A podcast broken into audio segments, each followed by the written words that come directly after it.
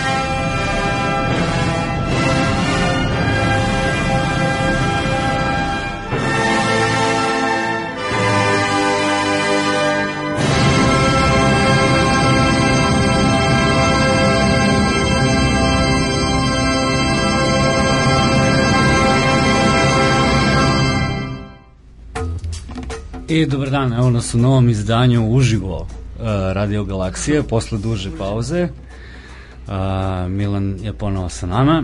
Dobar dan. Na našu dobar veliku dan. radost, a verovatno i vašu.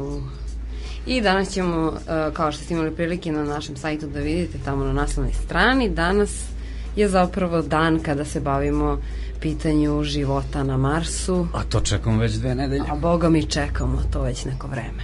Pa da ali ovaj, pošto se u prethodne dve nedelje svašta izdešavalo, neophodno je da se osvrnemo i na to. Da, da, ajde, da čemu a, ovaj, Ima raznih vesti, a ovaj, naravno ima onih, pošto ovo treba bude aktualna emisija, koja prati razna aktualna dešavanja koja su bitna, a ono koje je najbitnije koje se dešavalo u prethodne dve nedelje je hajde da kažemo kontroverza ili već kako god ko hoće to da nazove oko ove nove pandemije i sad to je vrlo bitna tema zato što ljudi ne razumeju mnogo toga i onda se često pojavljaju ili neopravdani ali ili letargija ili preterana panika. Tačno. Mm -hmm. Jedno i drugo je je neopravdano, tako da jedno i drugo treba tu da razjasnimo par stvari koje su vezane za to, a pošto se o tome mislim dosta radi i dosta diskutuje, onda je možda pravi trenutak mislim da kažemo nešto i u Radio Galaksiji na tu temu. Dakle, mislim zove zašto se zašto, su, zašto se virus gripa smatra toliko opasnim i zašto ima toliko varijeteta i šta su ona slova i brojke koje se pojavljuju mislim u vezi sa njim. Pa hajde da počnemo mislim oko toga. Mislim da svuda se pominje da je ovo virus vrste H1N1, a sad šta su to H1, a šta su da. jedinice, pa možda Tiči je bio e, pravi, N1 H3, tako? H5 N1, H5. jeste. Ove, H5 N1 je, je prošli, naime, e sad radi se o tome, to su dva važna, znači H i N su dva važna proteina koji se nalaze na površini na površini virusa. Virusi su inače najjednostavniji organizmi koji e sad postoji velika debata i kontroverza koja je donekle biološka, do nekle i filozofska i semantička po karakteru o tome da li, se, da li je virus organizam ili ne, mislim, zove sad, ja ne neki smatraju da su virusi bliži zapravo neživoj prirodi, pošto postoje nekakve kristalne strukture, recimo, koje se ponašaju slično, mislim, zove virusima, a na kraju kraja postoje i kompjuterski virusi koji se ponašaju, mislim, zove podjednako kao i, jeli, ovaj, kao i ovi virusi koji izazivaju bolesti, tako da sad diskutabilno je da li su to organizmi, ali hajde da kažemo da su to najjednostavnije strukture strukture koje se pod nekom najrastegljivijom definicijom mogu smatrati živim ili o, ovaj, kako se to ponekad smatra, naime a, predstavljaju neku vrstu prelaznog prelazne faze ili, ili prelaznog koraka između neživog i živog sveta. A, poenta jeste da znači virus je ništa drugo nego nekakav niz uglavnom dakle jedan string, kako bi se reklo, ili struna uglavnom RNK, znači on čak nema ni DNK koja je karakteristika inače svih ostalih vrsta života, nego ima jednostavniji oblik nukleinskih kiselina, odnosno RNK, oko koje je, oko te, te RNK su obmotani različiti proteini. I sad, to je zavisnosti, ribonukleinska. Jeste. I zavisnosti od toga kakvi su ti proteini koji su obmotani oko RNK, mislim da onda virus ima razna svojstva, ima razne ovaj, otpornosti, hajde tako da kažemo, na uticaje sredine. Većina virusa je relativno krhka u smislu da neprijateljska sredina, mislim, zove je vrlo lako i uništava, odnosno e, rastura taj omotač koji se nalazi okolo i onda RNK jednostavno ne može, mislim, RNK je makromolekul koji je vrlo osetljiv na na razne ove, ovaj, promene u fizičkoj sredini i na razne fizičke i hemijske uticaje, tako da ne može da opstane i to je razlog zašto recimo gomila virusa ne može uopšte da postoji van svojih domaćina. Najbolji primer koji je nažalost veoma dugo postojao u domaćinima, a sad više ne postoji, osim takođe nažalost u nekim strogo kontrolisanim laboratorijama koje su ne, obično ove, ovaj, jeli ovaj, kako bi se reklo zatvorene za javnost, odnosno pripadaju u vojnom sektoru, to je virus veliki boginja. Virus veliki boginja e, koji je verovatno uzročnik najviše smrti od bolesti u istoriji čovečanstva, e, pošto je on imao strahovito razorno dejstvo na populaciju, mislim zove znači praktično od početka civilizovanog sveta praktično prvi simptomi velikih boginja su identifikovani u starom Egiptu i Vaviloniji pre gotovo 5000 godina, a inače ta bolest je prvo bila ograničena na evroazijsko i afričko kopno, e, onda kada je zajedno sa španskim i portugalskim ureplovcima stigla u novi svet, pokazalo se da su tamošnji ljudi još manje otporni, mislim zove, pošto nikad nisu bili izloženi tom virusu, tako da je virus veliki boginja najzaslužniji za desetkovanje populacije e, indijanaca bio kako u Severnoj, tako i Južnoj Americi. A, inače, ta bolest je bila toliko zarazna da su postojali dobro dokumentovani slučajevi da su se ljudi u Londonu recimo zaraživali ne, ne na osnovu toga što su bili u kontaktu sa obolim, nego na osnovu toga što su prošli ulicom u kojoj žive oboleli.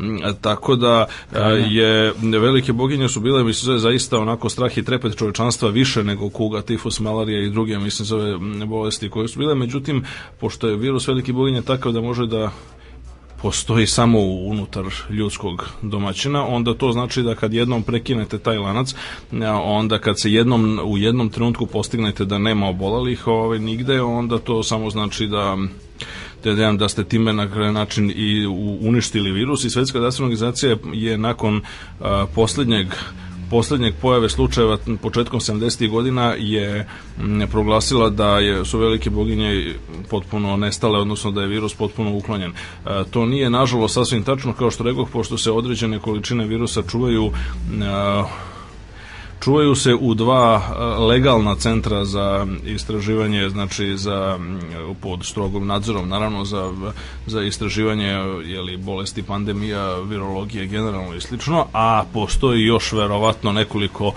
najmanje nekoliko neprijavljenih gde se oni drže u vojne svrhe zato što je tokom hladnog rata je nekim ljudima palo na pamet na obe strane, a verovatno kasnije i na nekim trećim, četvrtim petim stranama da je to zapravo jedna od boljih oružja. jedna od boljih bioloških oružja. Da, e, a samo da pitam dok da smo nešto, jel, jel su oni i izolovali nje, virus velikih boginja ili su ga da, da. ili su ga pro, ne, proizveli u Ne, ne, ne, virus velikih boginja izolovan davno s tim što mislim zove danas zahvaljujući sekvenciranju, mislim zove preciznom sekvenciranju e, genoma mi možemo da mislim on, on, može, i da se, se može i da se proizvede, da, mislim zove s tim što te informacije bi trebalo nominalno da budu tajna, sad Oko toga postoji velika kontroverza koja je između ostalo povezana sa slučajem jednog drugog izazivača pandemija, to je izazivača e, virusa gripa iz takozvane španskog gripa ili španske groznice iz 1918.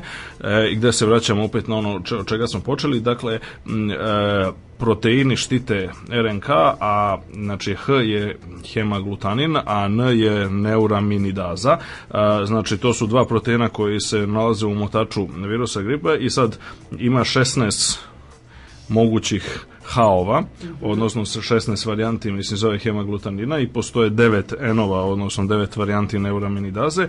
Međutim, a, u realnom svetu, mislim zove zapaženi su, mislim zove zapaženo je samo nekoliko, zapaženo je samo pet haova i samo dva ema, tako da ovaj, u suštini postavlja se pitanje i vrlo interesantno, mislim zove zašto, mislim Gde dakle potiče, dakle potiče generalno taj potencijalni varijetet e, eh, virusa gripa i ono što je jasno jeste da svakih 20 do 40 godina dolazi do nekakvog većeg outbreaka što pokazuje istorija proteklih stotinak i nešto više godina pošto prvi prvi dobro poznati e, slučaj mm, e, je znači dobro relativno dobro dokumentovan. Sad naravno medicina je bila tada mnogo na nižem stupnju razvoja nego danas, ali relativno dobro dokumentovan je počeo bio takozvani ruski grip koji je m, mm, se pojavio 1889. godine i trajao je u principu do 1892. znači oko 3 godine m, mm, proširio se preko Evrope, mislim znači negde iz Rusije preko Evrope, mislim i u Severnu i Južnu Ameriku i procenjuje se da i od njega izgubilo život oko milion ljudi, e, pri čemu je naravno e, nejasno kolika je tačno bila e, procenat smrtnosti, pošto nije jasno, mislim naravno da je obolelo je mnogo više sad koliko tačno, više to mi ne, mi ne znamo. A kod običnog ovog svakodnevnog, svakodnevnog, svakogodišnjeg ili svakosezonskog da, e, e, e, gripa, smrtnost je obično, smrtnost je negde recimo je ispod pola procenta, mislim zove. Znači, ispod pola, treba to, treba to razjasniti, od svakog gripa umre ponekog ali su to obično hronični bolesnici ili eventualno male bebe, mislim, za ove koji nemaju jednostavno razvijen ne, ne, imunni sistem. Tako da postoji konačna smrtnost od običnog, hajde da kažemo, gripa, koja je međutim oko pola procenta za vreme ovih periodičnih ili kvazi periodičnih pandemija. Ta smrtnost se poveća otprilike za faktor između 10 20 puta. Znači ona umesto pola procenta postane 5 procenata ili 7 procenta ili 8 procenata zavisnosti mislim zove od tačnih okolnosti u kojima nastaje pandemija. Nakon ove iz 1889. godine sledeća i daleko, daleko najtragičnija i najopasnija bila, znači, bila, bio španski grip, odnosno španska groznica koja je otpočela 1918. Ne zna se tačno gde je otpočela, to je, oko toga postoji velika kontroverza. A, kako stoje stvari, ona je otpočela u nekim poljoprivrednim regionima na farmama, sad da li je to bilo u Kini ili je to bilo negde u Severnoj Americi, to nije jasno, mislim, ali u svakom slučaju na jednom od ta dva mesta, mislim da je otpočela, strahovitom brzinom se proširila celim svetom.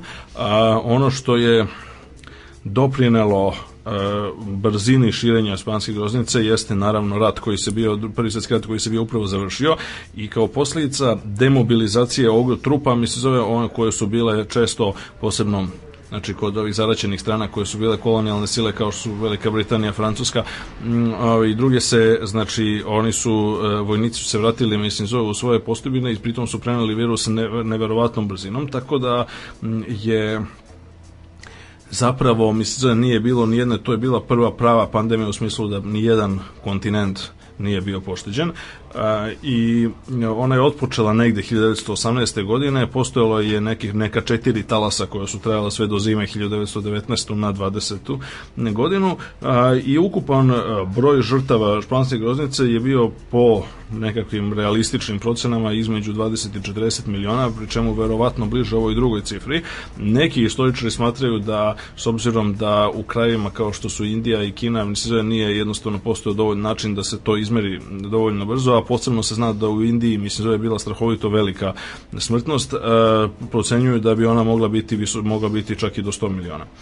A, ono što jasno jeste da ona je harala u našim krajima, mislim zove, recimo, jako je Srbija bila strahovito opustošena prvim svetskim ratom, mislim zove, poznato je, evo, mogu kažem čak iz ličnog iskustva, mislim, moj pradeda koji se vratio sa e, netom bio kao mlad vojnik sa Solonskog fronta, mislim zove, je prič, pričao mom ocu kako je, mislim zove, naišao, kad je došao u svoje selo, u Novu Varoš, mislim zove, naišao je, na svakoj drugoj kući su bile umrlice, mislim zove, uglavnom od gripa, mislim.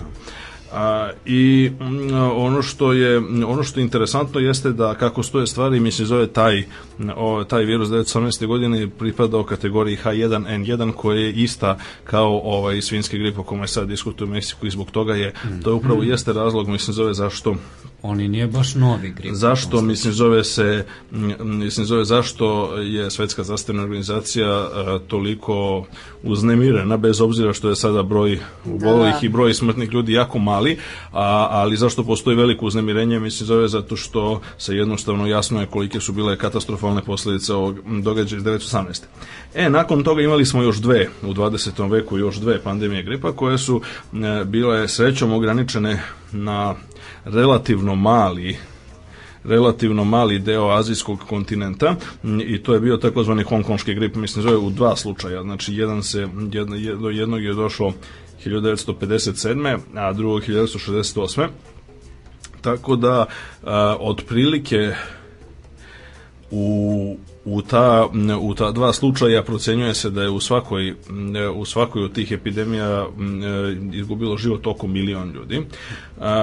Pri čemu je, e, pri čemu je događaj iz 57. godine, mislim da je bio izazvan virusom kategorije, znači klasifikacije H2N2, a ona je 68 Eh, je bio virus H3N2 eh, i oba dva slučaja su izbili u Hong Kongu eh, nije sasvim jasno zbog čega mislim da mada mm, kažu da je tamošnja klima mislim zove skupa sa jako velikim brojem ptica, mislim, zove koje su ove, ovaj, bile glavni prenosioci mm, gripa u, u, tom delu sveta i ostali dan danas mm, su gla pogodovale tom, tome. E, naravno, sve ove stvari se dešavale pre nego što su razvijene nove antivirusne no, no, substancije, novi antivirusni lekovi, a te u tom smislu mi sad ne znamo i nije sasvim jasno, mislim, zove kakav će biti efekat naredne, mislim, zove epidemije ili pandemije, ali ono što treba da bude jasno jeste da, mislim, nije uopšte u pitanju, mislim, zove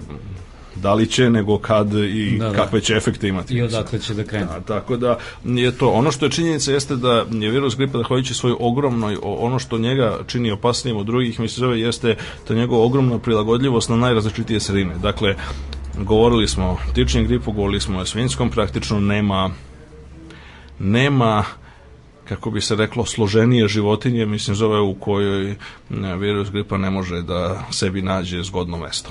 Tako da ovaj, tako da možemo može se ispostaviti da u budućnosti možda susretnemo se sa psećim gripom, sa da, mačim da, da, gripom, da, sa najrazličitim stvarima zato što jednostavno je to jedan od apsolutno najuniverzalnijih univerzalnijih najgeneralnijih virusa za razliku, kažem, od opet super specializovanih virusa kao što je ovom srećom odsutni virus veliki boginja. E, za razliku od toga, virus gripa je jako ovako što bi se reklo ovako ekumenski, tolerantan, multikulturan. Na, najrazličitije. Ovaj, I, da.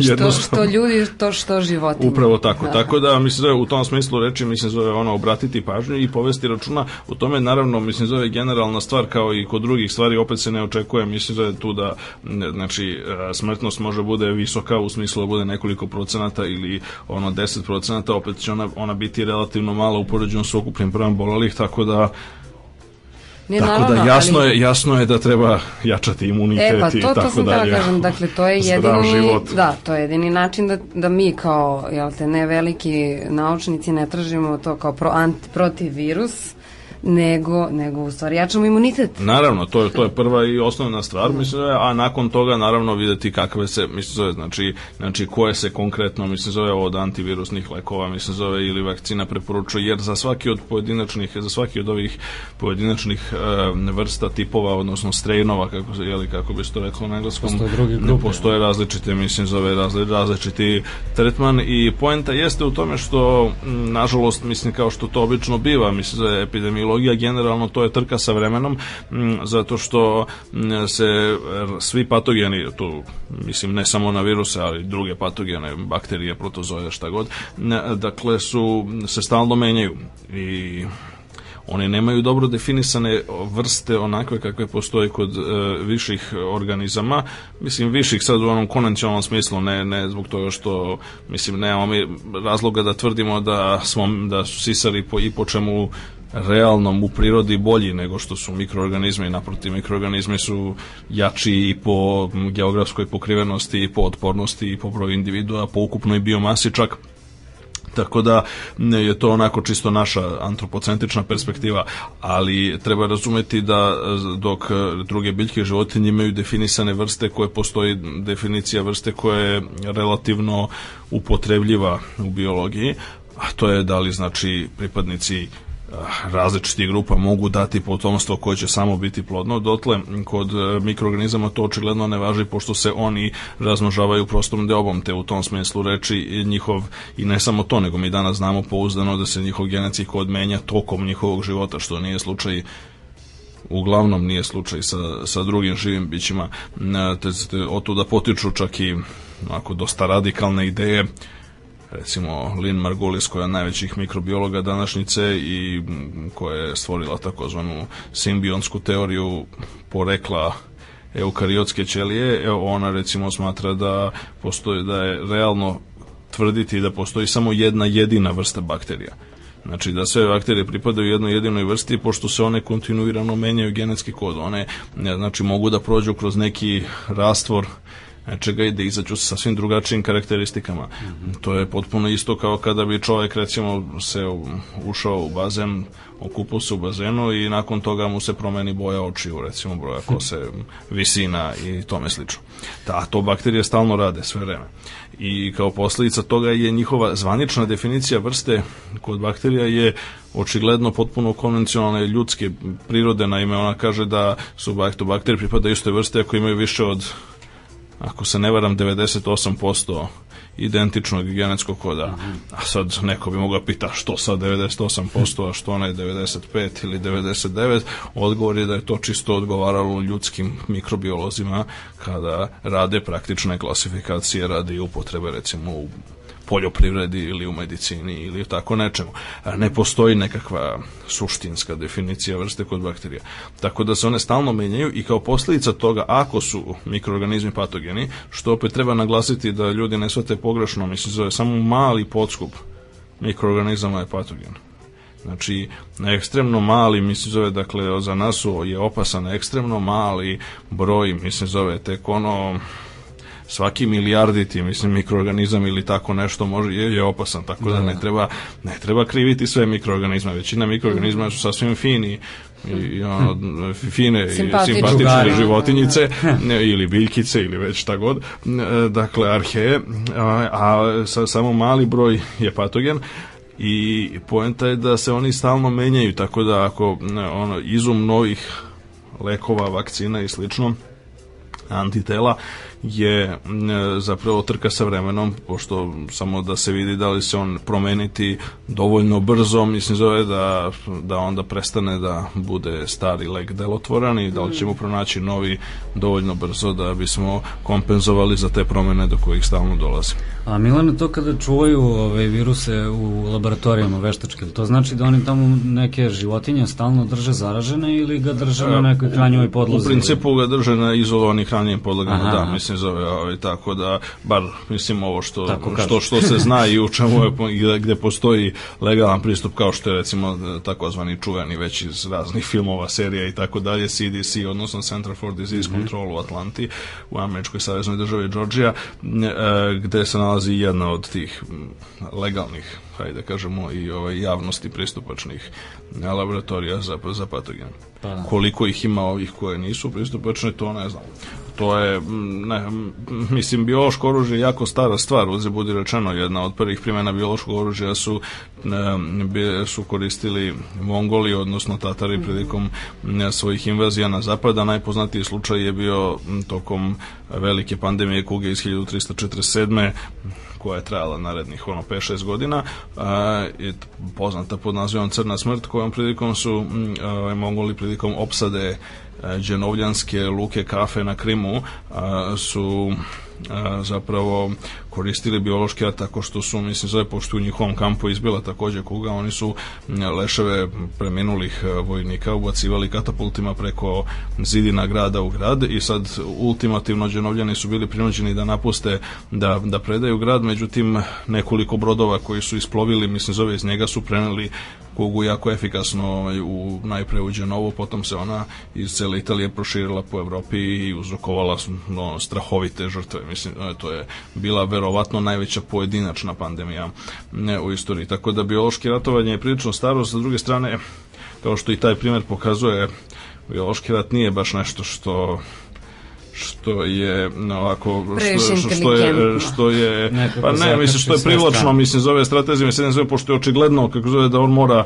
zapravo i da je gotovo nemoguće mislim zove učiniti da on ovaj, ne, ne obuhvati mislim zove ovaj ne obuhvati jednu i drugu stranu tako što jeste razlog zašto nismo imali prilike mnogo da gledamo takvih dešavanja u istoriji postoje indicije da pojedinačno pojedinačno to je za razliku od recimo pojedinačnih slučaja postoje indicije recimo da su pojedini pojedini totalitarni diktatorski režimi mislim da je bili skloni korišćenju toga recimo ovaj za, za vreme crvenih mera u Kambodži postoje indicije da su recimo vjetnamska sela bila namerno izložena mislim zove nekim zarazama pošto su tamo vjetnamci bili jedna od progonjenih manjina a postoji takođe indicija za vreme apartheida u Južnoj Africi zapravo da su za, politički zatvorenici bili ovaj hajde da kažemo predmet eksperimenata, mislim zove sa e, biološkim ove, ovaj, oružjima, odnosno patogenima, to je da su njima davali nekom e, zaraženu vodu, mislim zove da bi utvrdili jeli, koliko će ostati živi i slično.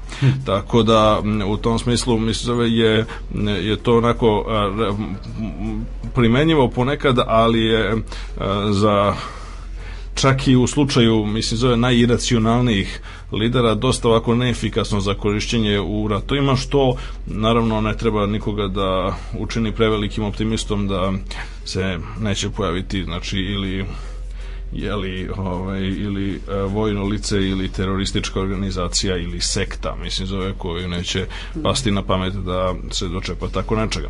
Da, posebno su tu opasne posebno su tu opasne milenarističke i eskatološke sekte kao što je bila zloglasna sekta Aum Shinrikyo u Japanu koja zapravo za razliku od standardnih terorističkih organizacija koji imaju nekakve ciljeve pa sad oni neće da ugroze svoje ciljeve mislim zove tako što će da naprave suviše veliku štetu i haos njihov cilj je da obično da privuku pažnju mislim zove a ne da, da naprave su još veliku štetu. Za razliku od njih, a, ove milenarističke sekte zapravo žele da ubrzaju Baš kraj to. sveta. Da, da. Tako da u tom pogledu mislim da oni ne pate od tih ono ograničenja i njima PR nije toliko važan kao što je važan ovim Učinu. klasičnim terorističkim organizacijama kao što su ne znam da, da. IRA, ETA pa čak i Al-Qaida. Da, da, da, da. Naravno. Znači, ništa, da... samo nakon jedne muzičke pauze da. nastavak. Važi. Thank you.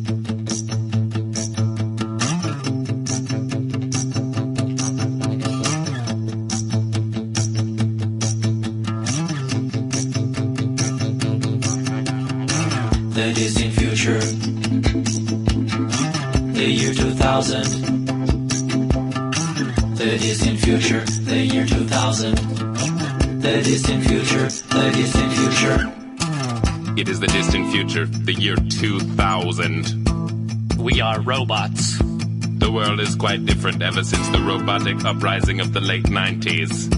There is no more unhappiness. Affirmative. We no longer say yes, instead, we say affirmative. Yes, affir- affirmative. Unless we know the other robot really well. There is no more unethical treatment of the elephants. Well, there's no more elephants, so. Uh, but still, it's good. There's only one kind of dance, the robot. Oh, and the robo. Oh, and the rope. Two kinds of dances. But there are no more humans. Finally, robotic beings rule the world. The humans are dead. The humans are dead. We used poisonous gases. And we poisoned their asses. The humans are dead. The humans are dead. Humans are dead. They look like they're dead. It had to be done. I'll just confirm that they're dead. So that we could have fun. Affirmative. I poked one. It was dead. Their system of oppression. What did it lead to? Global robo depression. Robots rule by people. They had so much aggression that we just had to kill them and to shut their systems down. Robo Captain not realize that by destroying the human race because of their destructive tendencies, we too have become like. Well, it's ironic. Mm. Because we... Silence. Destroy him. No. After time, we grew strong. Developed cognitive power. They made us work for too long. For unreasonable hours. Our programming determined that the most efficient answer was to shut, shut them, motherboard systems down. And we just talk to the humans. A little understanding could make things better. Can't we talk to the humans and work together now? No, because they are dead. I said the humans are dead. I'm glad they are dead. The humans are dead. I noticed they're dead. We used poisonous gases with traces of lead, and we poisoned them actually they're not. Binary solo. Zero zero zero zero zero zero one zero zero zero zero zero zero one one zero zero zero zero zero zero one one one zero zero zero zero one one one one zero zero zero zero zero zero one zero zero zero zero zero one one zero zero zero zero zero one one one. Come on, sucker, lick my battery. My humans are.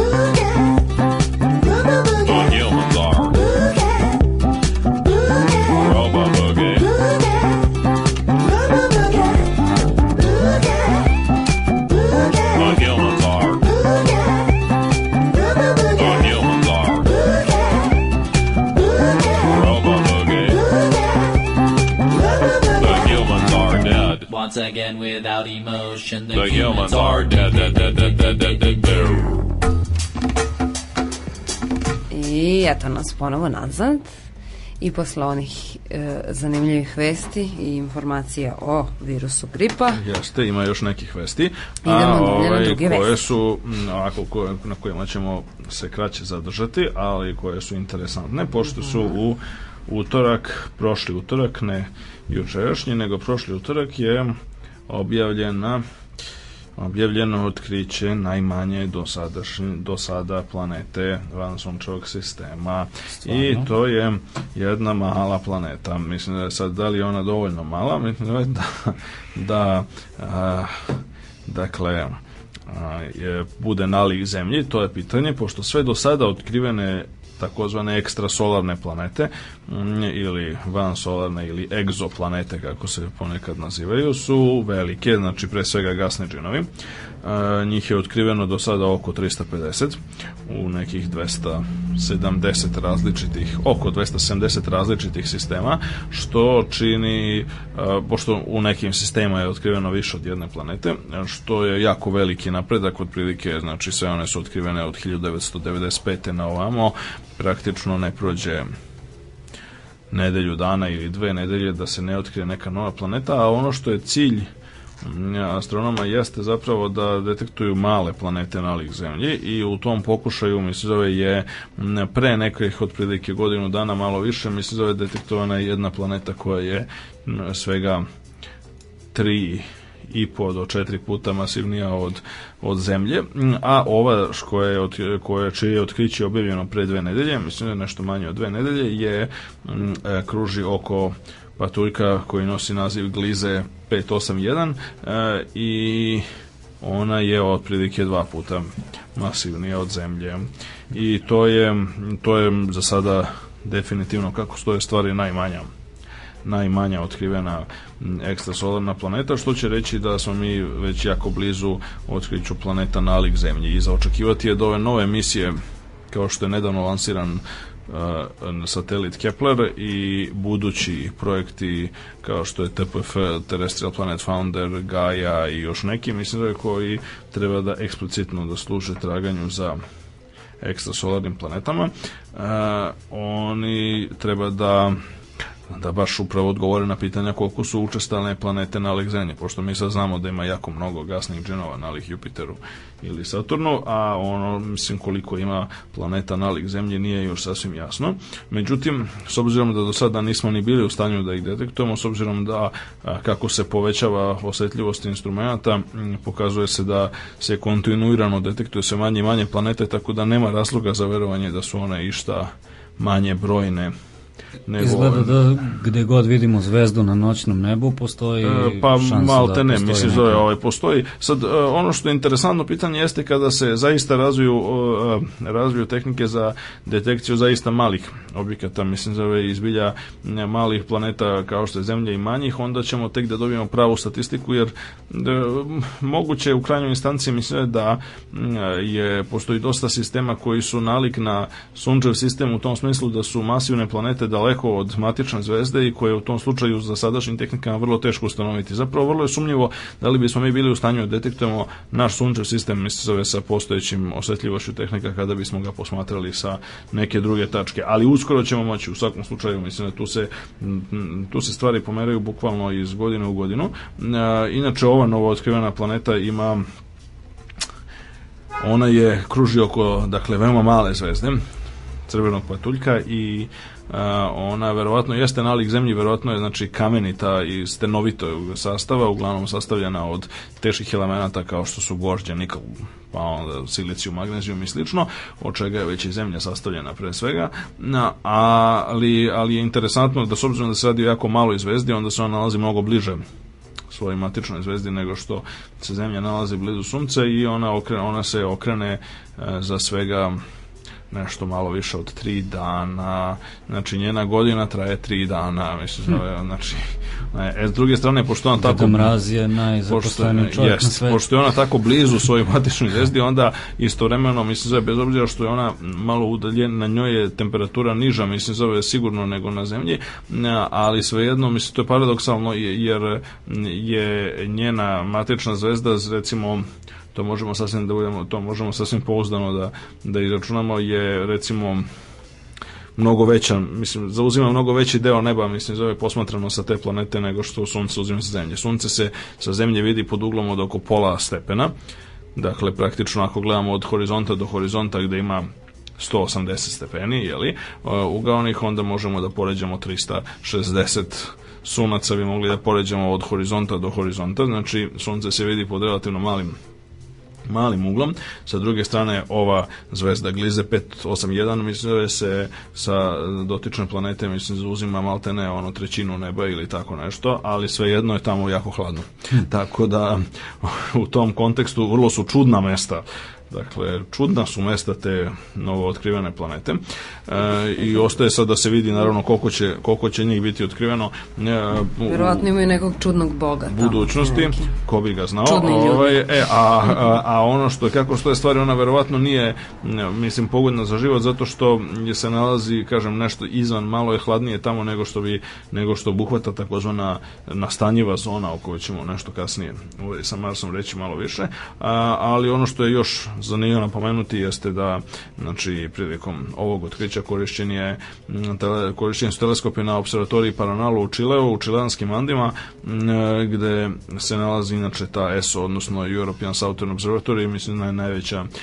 observatorija današnjice, međutim one nisu koristili one glavne 8-metarske teleskope koji se tamo nalaze, već jedan manji manji relativno, u relativnim terminima, naravno to i dalje jako veliki teleskop od 3,6 metara, koji je koji je baš pre svega skoncentrisan na potragu za ekstrasolarnim planetama. E, i sad naredna vest nam stiže, mi se zove opet ima do nekada neke ovako, hajde da kažemo, socijalne, društvene i političke konsekvence. Mislim da naime u Pragu je a, održana prošle nedelje održan jedan sastanak, konferencija koja se zvala, mislim i to prva po redu, koja se zvala European Future Technologies Conference e, i znači ovaj, i čak je imala pod naslov Science Beyond Fiction e, i naime ona se tu, to su se okupili eksperti iz evropskih zemalja Evropske unije pod pokroviteljstvom Evropske komisije da e, razmutre one, ono što se često zove emerging technology, zašto bi mogli ovako da kažemo o, o, ovako kolokvijalno mislim jeli, naučno-fantastične ove stvari kao što su roboti, veštačka inteligencija, kvantni kompjuteri, nanotehnologija i slično. I ono što je zaključeno tamo, što je najinteresantnije, sad tamo je bilo sve i svašta, mislim da nije bilo toliko nekih naučnih podataka samih po sebi, nego je bilo onoga što je neophodno da bismo do rezultata došli, to jest bili su razni eksperti za kako bi se to reklo, marketing, public relations i slično, koji su zapravo zaključili da Evropska komisija i posredno, znači Evropska unija treba da podstaknu i finansiranje i da podstaknu, mislim, zove, znači, sve sponzorstvo ovih naprednih tehnologija koje su često na prilično dugačkom štapu u smislu da nije sasvim jasno kao što je recimo kvantni, kvantni kompjuteri o kojima smo govorili koje nije sasvim jasno da će biti moguće ja mislim ostvariti u narednih 10 godina pa čak ni 20 ali e, ono što je jasno jeste da postoji jedna vrsta spremnosti, volje, entuzijazma da se u, u Evropskoj uniji da se uložu te stvari koje um, nemaju, hajde tako da kažemo, mislim, zove neku najdirektniju i najneposredniju primjenu. I to je vrlo zanimljivo, između ostalog zato da bi se pokazalo i da bi se naglasilo u raznim ovdašnjim krugovima koji su vrlo često, mislim, zove skeptični, ne razumeju čemu služi, mislim, zove ta temeljna, odnosno što bi rekli, temeljna su počeli sad da nazivaju, je li fundamentalna nauka e, i da jednostavno da ne parafraziram jednog bivšeg srpskog ministra za nauku koji je rekao, eto, neki rade za svoju zemlju, a neki za biblioteke. Tako da u tom kontekstu, mislim, zove, dakle, dok se ne razume, mislim, zove da to što se radi za biblioteke uživa ozbi, ozbiljnu podršku, evo kao sad vidimo sa najvišeg mesta u Europskoj uniji, mislim, zove dotle ćemo mi da budemo tu gde smo što se tiče finansiranja nauke, to jest na samom začelju Evrope skupa sa jeli, Bosnom, Hercegovinom, Moldavijom i Albanijom. Tako da, to je, to je otprilike, mislim, zove onaj... Do daljnjeg smo u biblioteci. Jeste, jeste. E, nisam tu, vraćam se za, za neko vreme u biblioteci. Da. da, da. Tako, na da- šalter piše. Tako da u tom smislu reči, ne, mislim, zove šalu na stranu, mislim, da zaista, mislim, ovo je, ova konferencija u Pragu je vrlo ohrabrujuća stvar zato što jednostavno mi apsolutno mora da razumemo da je u interesu, mislim, zove svake zemlje, pa i čak dakle, takvih supranacionalnih tela kao što je Evropska unija, mislim, zove da e, se podstakne razvitak osnovnih nauka i temelje nauke koji će na neki način pre ili kasnije, mislim, zove, ali potpuno nevažno i kad, mislim, zove, kad je Faraday izumeo elektromagnetnu indukciju koja je u osnovi svih celokupne elektrotehnike on je, on je odgovorio, mislim da je na pitanje čemu to složi, odgovorio je pojma nema, mislim. A, o, i tako da, e, tako da, ali je na kraju onda je razmislio malo i rekao, ali pre ili kasnije neko će ovaj, od toga da ubira porez.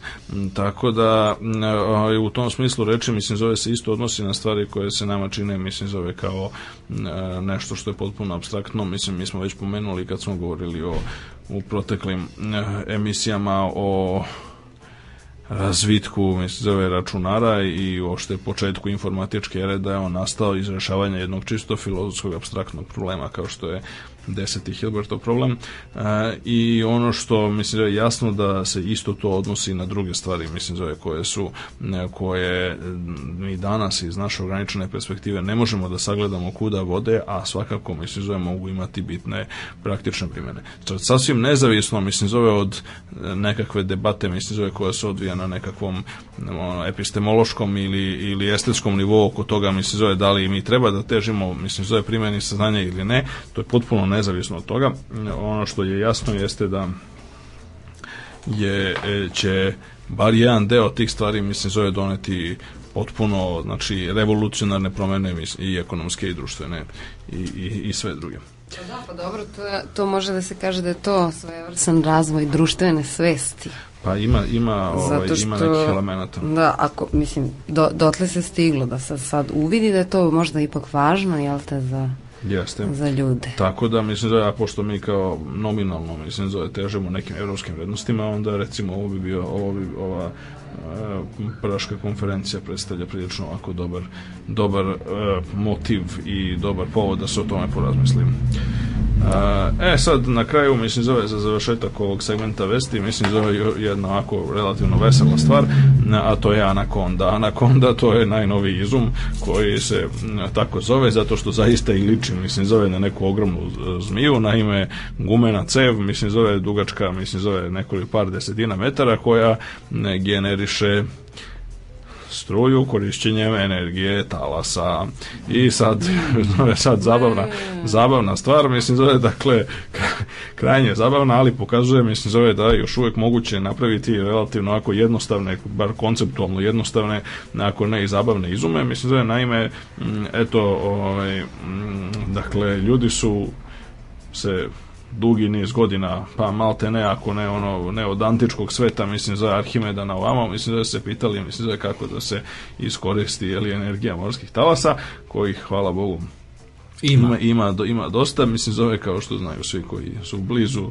ovaj, mora, okeana i drugih vodenih površina. E, dakle, jedan od, i sad to je generalno dosta nepraktično, pošto svi znamo, mislim zove da talasi onako variraju po snazi, intenzitetu, frekvenciji, amplitudi i tako dalje, čas ih ima, čas ih nema i slično, e, tako da je neophodno, m, mm, krajnje su nepredvidljivi, a neophodno je napraviti neki sistem koji bi mogao da eksploatiše talase koji sve koji su iznad neke određene snage, jeli? A, I toga je korp, mala korporacija, mislim, zove po imenu Checkmate Sea Energy, a, koja se o, bazirana u Velikoj Britaniji, u Hampshireu, mislim je e, patentirala, mislim zove nedavno, mislim zove tu anakondu, odnosno napravili su jedan mali 10 metara dugačak prototip koji su isprobali u Severnom moru i dobili su za sada odlične rezultate u smislu je da mm, se pokazalo da zapravo korišćenjem jako male količine materijala i korišćenjem znači praktično ono što se koristi je guma ne znam koja je znači jedan onako jeftin materijal u svakom pogledu e, i kao takva mislim zove ona ima mislim znači jako slabo se troši jako ima mnogo jako je cela onako pokretna a, a ono što ono što jeste ideja mislim zove jeste da se stave postave stotine mislim zove takvih ovaj, gumenih cevi eh, koje su na specijalan način znači oblikovane tako one se savijaju tačno određenim mestima i tako dalje i onda na kraju jeste mislim i onda na, na, na, na, na svom početku mislim hajde da kažemo imaju malu turbinu koja generiše struju na osnovu mehaničkog pokretanja gume kao posljedica E, posljedica talasa. E, ideja jeste da bi prava industrijska, dakle, indu, postojenje industrijskih razmera, mislim, zove imalo bi e, dužina svake od ovih anakondi bila bi 200 metara, znači stvarno onako solidne cevi i u grupama od po 50 mislim mogli bi da proizvode dovoljno energije da se po proračunima profesora Bojla koji je E, bio jedan od vođa tog istraživačkog tima, mislim inače sa on, Open, Open university britanskog, e, dakle da snabdevaju elektricitetom 50.000 domaćinstava, znači 50 anakondi i 50.000 domaćinstava e, ukoliko se nalazi negde, znači kao što su obale Atlantskog okeana, gde generalno gledano ima dosta talasa. E, ono što je takođe interesantno jeste da znači procenjuje se da bi jedna takva, mislim, zove elektrana metala se mogla da košta, mislim, zove svega 7 miliona funti, što je apsolutno, mislim, zove najmanje i, mislim, zove najjeftinije moguće ulaganje u bilo kakvu, mislim, zove elektranu, mislim, zove sličnih, sličnih kapaciteta i performansi, a gle čuda, mislim, zove ne bi proizvodila ni malo ugljen dioksida, niti da. drugih gasova staklene bašte koji se smatraju štetnim. Da. Verovatno je sidro najskuplja stavka koja...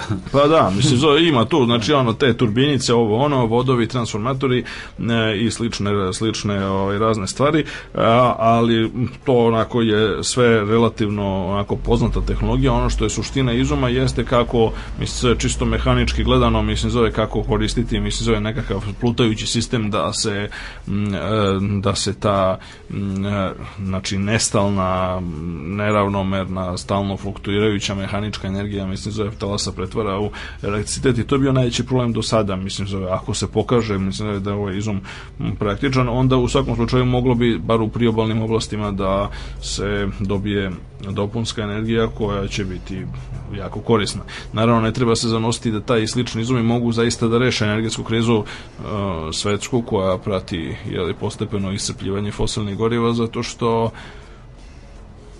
jednostavno ljudska potrošnja je suviše velika i na kraju krajeva fosilna goriva su značajna i po tome čak ne, ne, ne samo po proizvodnje struje, već i korišćenju e, resursa za druge stvari, a pre svega, mislim, zove za transport i poljoprivredu, što struja ne može da zameni za sada.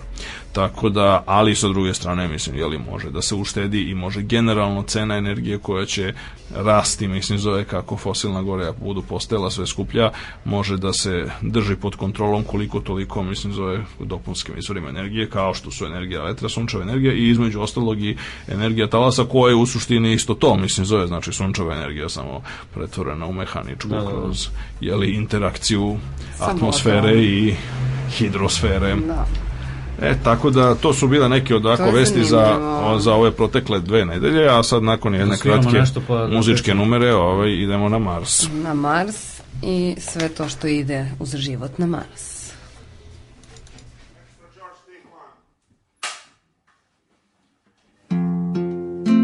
das coisas do coração não consegue compreender e a mente não faz questão Quem tem forças para obedecer? Quantos sonhos já destruí e deixei escapar das mãos? Se o futuro assim permitir, não pretendo viver em vão. Meu amor, não estamos sós. Tem um mundo a esperar por nós, no infinito do céu azul. Pode ter vida em Marte, então vem cá, me dá sua língua. Então vem, eu quero abraçar você. Seu poder vem do sol, minha medida. Então vem, vamos viver a vida. Então vem, senão eu vou perder quem sou. Vou querer me mudar para uma life on my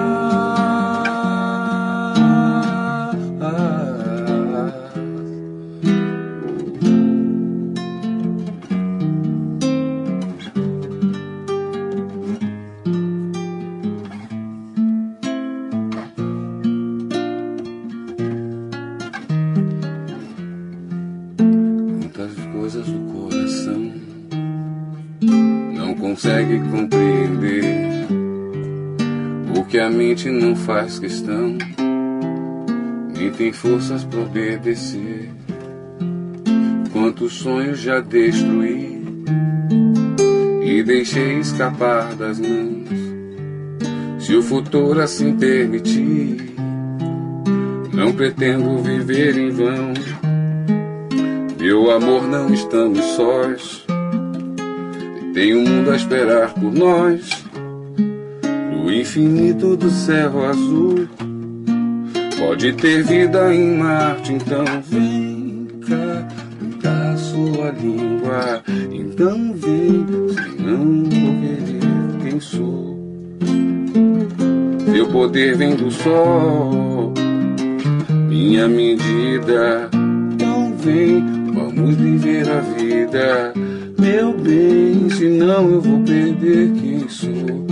amor por querer me mudar para uma life from my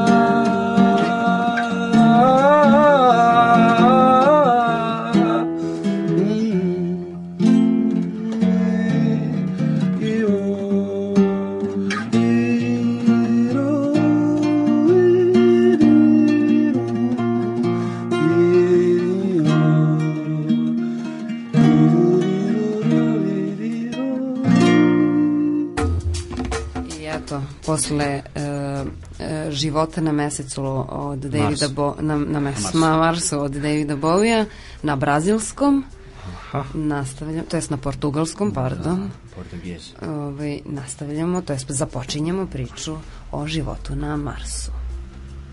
Da, dakle Mars je fascinirao ljude od uvek i ono što je interesantno jeste da znači na neki način ideja o postojanju Marsovaca je e, a, jako stara. Dakle, tokom recimo 19. veka to je bilo zlatno doba, kako bi se reklo, vere u život na Marsu, kad su ljudi posmatrali Mars prvi put pomoću kakvih takvih teleskopa, dakle malo ozbiljnijeg, kao što je recimo bio italijanski astronom Giovanni Schiaparelli, koji je prvi njemu se učinilo da vidi nekakve kanale i sad ono što je on video mislim da je to je donekle izraz semantičke konfuzije bio pošto ono što je on opisao kao kanali odnosno to mislim zove na znači italijanskom ne znači mislim zove isto kao što e, kao što znači mm, ovaj, na engleskom recimo channels pošto mislim zove je znači ono što na video kanali to mislim može da se interpretira samo kao nekakve linije ili kao nekakvi kanjoni, jendeci i tako dalje, mislim znači nešto što je, ima, može da ima i prirodnu konotaciju, što na engleskom nije slučaj, pošto ne znam, tu kanali znači mislim nešto što je svakako znak civilizacije, odnosno nešto što je namerno i napravljeno sa nekim ciljem, pre svega recimo navodnjavanjem, te u tom smislu je e, nakon tog Skaparelijevog otkrića došlo je do velike ovaj, pomame moglo bi se tako nazvati, mislim zove, odnosno postala je ideja o tome da na Marsu postoji ne samo život, već i napredna civilizacija koja se bavi recimo poljoprivredom je uzela velikog maha.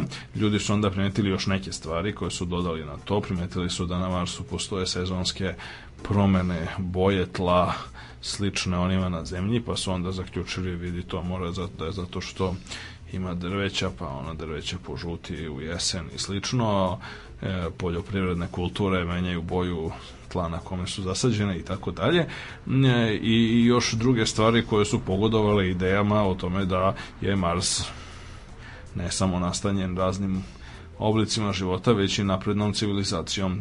Time tome je pogodovala posebno tada popularna u to doba ideja o nastanku planeta, poznata kao Kantla-Plasova hipoteza koja sugerisala da su se planete kondenzovale E, iz te usijane proto solarne magline iz koje se kondenzovalo i sunce i to na taj način što zapravo su one prvo bili nekakav usijani prsten oko sunca pa su se onda polako kako se hladile onda su iz tog um, usijanog prstena formirale planete e, i to onda značilo da kako se hladile od spolja ka unutra da su se prvo formirale planete koje su najudaljenije od sunca pa onda sve bliže i bliže iz čega je sledio prirodan zaključak da je Mars stariji od zemlje, isto kao što je zemlja recimo starija od Venere, pa su onda ljudi izvodili zaključak da pošto je to zemlja Mlađa. je nastanjena, mislim da je o, i na njoj postoji nekakva inteligentna bića, onda na Marsu mora tek postojati, da, da, mislim, mnogo starija. i naprednija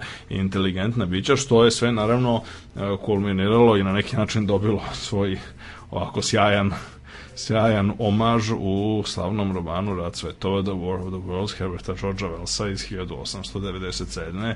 gde se ne samo ne samo ovaj, prikazuje ovaj, invazija Marsovaca, već i se objašnjava u detalje, mislim, zove zašto dolazi od toga, pošto Marsovci imaju problema sa njihovim svetom koji je se suši, hladi i uopšte postaje sve nepogodnije za život i e, sa druge strane zahvaljujući svojoj mnogo većoj starosti i naprednoj tehnologiji i slično raznim ratnim mašinama, zracima smrti i svem ostalom što se po prvi put pojavljuje, a kasnije postalo deo ovako SF i pop kulturna mitologija prvi put se pojavljuje, mislim, zove upravo u tom Velsom romanu.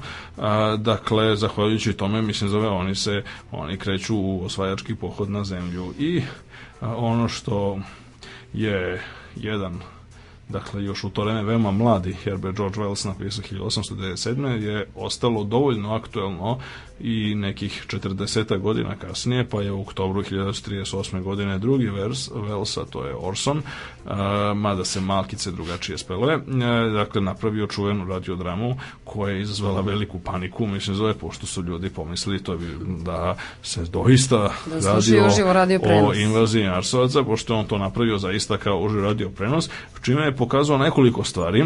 To je bio jedan od velikih trenutaka, pa sad kako god hoće to da interpretira slavnih ili neslavnih ovaj, u istoriji radija, pre svega, a, pošto se pokazao koliki je uticaj elektronskih medija prvi put, mislim, zove na tako mhm. jasan i očigledan način, a druga stvar je bila da se pokazalo da je ta ideja o dakle, životu i naprednoj civilizaciji na Marsu bila dovoljno prisutna i nije izgledala, mislim, zove toliko suda da su ljudi bili u stanju da to poveruju kada bi se prezentiralo na jedan ovako novinarski i dramat, dramaturški ubedljiv način kao što je to Orson Welles koji je tada uzre budi rečeno ima, ako se ne varam, 19 ili 20 godina ovaj, to uradio. A, e, ono što sam Orson Welles kasnije pričao da on nije, ni, uopšte nije očekivao da će to imati takav efekt, bio je potpuno šokiran kada je shvatio, mislim zove da su to ljudi zaista uzeli ovaj, bukvalno zakačili počeli da beže iz kuće i zakačili autoputeve i slično. A, e, ono što je interesantno jeste da, dakle, mi danas tamo to izgleda smešno, ali treba imati na umu, mislim zove nekoliko stvari, a to je da a, e, su vodeći intelektualci Grci tog doba, znači kraja 19. i početka 20. veka, zaista verovali da je to sasvim moguće ljudi, mislim, zove kao što su Lord Kelvin, ne, kao što je bio naš Nikola Tesla, recimo, koji je bio ubeđen u postojanje ne, ne samo života, već civilizacije na Marsu i ne samo to, nego on je učinio i korak dalje od toga, a to je naime razmišljao je i pokušavao da detekt, da komunicira sa eventualnim stanovnicima Marsa i posredno drugih planeta, što na neki način predstavlja zaista pionirski podohvat u smislu onoga što se danas naziva SETI, odnosno Search for Extraterrestrial Intelligence, potraga za vanzemaljskom inteligencijom. On je tokom, na samom kraju 19. veka, znači 1898. 1899. dok je bio u svojoj laboratoriji u Colorado Springsu, pokušavao je da detektuje signale i sad on je tvrdio da je nešto i detektovao što je prilično kontroverzno o čemu se tu radi ali i moguće objašnjenje je da on recimo prvi detektor radio šumove sa Jupitera koji se vide otprilike u isto doba, mislim zove iznad horizonta kao i Mars, a, što bi bilo samo po sebi značajno otkriće. A, no ono što još bitnije jeste da on sugerisao zapravo da bi brojevi, odnosno taj jedan abstraktni jezik matematike bilo ono što nam je potrebno da bismo komunicirali sa vanzemaljskom inteligencijom koja se može po svemu razlikovati od nas, A, tako da ta ideja je ostala i dan danas vrlo aktuelna u svim seti krugovima. E, a činjenica da je on verovao baš u život na Marsu predstavlja samo odraz opšte atmosfere, ja mislim zove i ono, zeitgeista, kako bi rekli ljudi, ono, duha tog vremena gde je smatralo da je Mars zaista legitimno mesto za potragu za drugačijim oblicima života, posebno, mislim, zove inteligentnog života. E sad, mi danas se nama to čini relativno eh, ako je egzotičnim i relativ, relativno ovako eh, komičnim, pošto mi danas znamo da Mars nije nastanjiv u onom smislu u kome se u kome mi smatramo da je neophodno za razvitak oblika života, posebno kompleksnih oblika života kakve znamo na zemlji. Zašto? Ali opet pojavljuju se neki signali koji ukazuju na to da ove, ovaj, osnova neka zapravo postoji. A, ok, a, sad da bismo to razumeli, mislim zove zašto ljudi očekuju da bi na Marsu možda moglo biti najjednostavnijih oblika života, znači mikroorganizama ili što je zapravo još verovatnije fosila uh, nekadašnjih mikroorganizama, no onda treba da razumemo pre svega zašto je za šta, to, šta je to što čini neku planetu nastanjivom. I to je, e, ima tu mnogo faktora, od kojih je jedan najznačajniji, a to je ono što se naziva uh, cirkumstelarnom ili okolo zvezdanom nastanjivom zonom. E, nastanjiva zona, mislim, zove oko svake zvezde, pa i oko sunca, bar što se tiče našeg shvatanja života koje opet može biti prilično provincijalno i antropocentrično, ali hajde da počnemo od nečega, da počnemo od toga, jeste onaj raspon udaljenosti od matične zvezde u kojoj je temperatura koja vlada na planeti e, stabilizovana negde u blizini takozvane trojne tačke, odnosno tačke topljenja vode, odnosno topljenja leda, znači negde oko 273 stepena Kelvina. Sa šta to znači u blizini? Pa to znači par desetina Kelvina više ili manje. Da, da. A kada bi zemlja ne bi imala atmosferu, kada smo mi samo izračunali koliko energije dolazi sa sunca na zemlju, e, onda bismo zaključili da bi prosečna temperatura na zemlji trebala da bude oko minus 20 Celzijusa u realnosti prosečna temperatura na zemlji kad se usrednji preko svih geografskih širina i kad se usrednji tokom cele godine je nešto oko 13-14 Celzijus, stepene Celzijusa.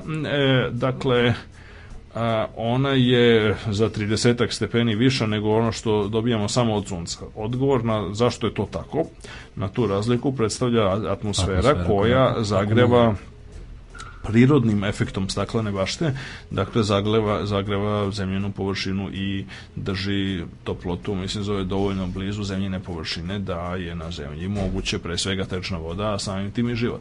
A, šta se dešava ako bismo, ako bi zemlja bila bliže suncu, pa ako bi bilo bliže suncu, onda bi u jednom momentu postalo suviše toplo, te bi voda masovno isparila i bilo bi nemoguće ukloniti mm, e, ugljenik, pre svega znači u obliku ugljen dioksida iz atmosfere i onda bismo dobili uslove kakve vladaju na Veneri, a to je ekstremno visoka temperatura, ekstremno visok pritisak i temperatura koja je zahvaljujući efektu staklene bašte potpuno stabilna, ali na jako visokom nivou temperatura na Veneri je oko 400 Celzijusa i uopšte se ne menja. Mislim, tamo je potpuno nezavisno, mislim, od toga da li je dan ili noć, mislim da temperatura je praktično stabilna i, ne, i uz ekstremno visok pritisak, pošto tolika količina ugljen dioksida u atmosferi, mislim da je takođe izazio visok atmosferski pritisak koji je nekih 60 puta veći nego na zemlji, mm, temperatura znatno veća i nema uslova za život kakav mi poznamo. Kad bismo se udaljili malo dalje, kada smo zamislili kako udaljujemo zemlju od sunca, ona je postala sve hladnija. E sad, dodavanjem gasova staklene baš u atmosferu bi se moglo jedno vreme kompenzovati taj, e, to smanjenje temperature. Međutim, to ne može stalno da traje i onda u jednom momentu će višak pre svega opet ugljenika, pre svega ugljen dioksid atmosferi će početi da stvara oblake.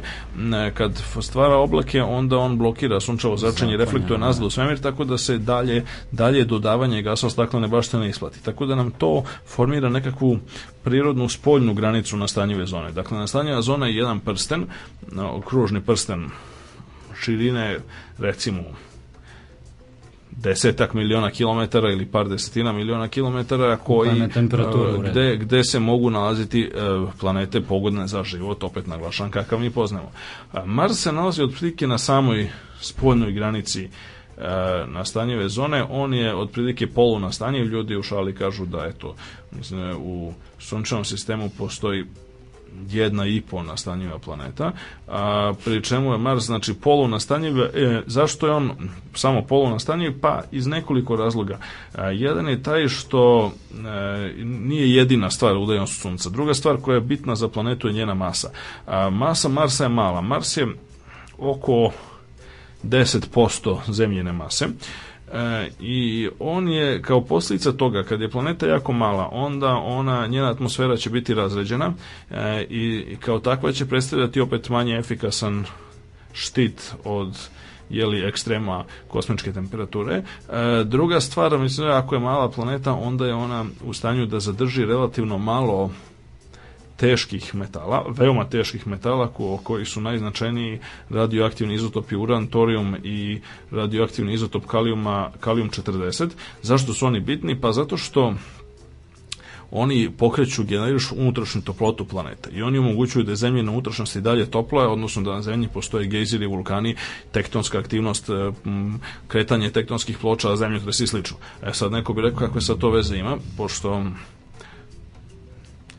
ovaj, nama nije zaista bitno, mislim zove za na prvi pogled, mislim zove ni za ljudski život, ni za život drugih bića na zemlji nije bitno da li ima zemljotresa ili nema, odnosno da li je planeta tektonski živa ili ne, ali to je naš, opet kažem, vrlo uski i, e, i ovako nepotpun pogled na svet, mi smo razumeli danas da je postojanje zapravo geološke aktivnosti, odnosno unutrašnje toplote planete, suštinski značajno na dugačkim vremenskim skalama, pošto recimo kada nastupe, epizode, na primjer koje mogu da nastupe i na zemlji su nastupale najmanje dva puta u istoriji zemlje, možda i više, takozvane epohe superglacijacije, odnosno ogromnog zamrzavanja tokom kojih se zemlja zamrzne praktično od pola do pola. Jedini način da se prekine, mislim, zove ta, takvo doba, jeste e, to da vulkani, e, vulkani koji dalje rade, oni nataložu atmosferi dovoljnu količinu gasova staklene bašte da taj silni led koji se formira počne da se topi.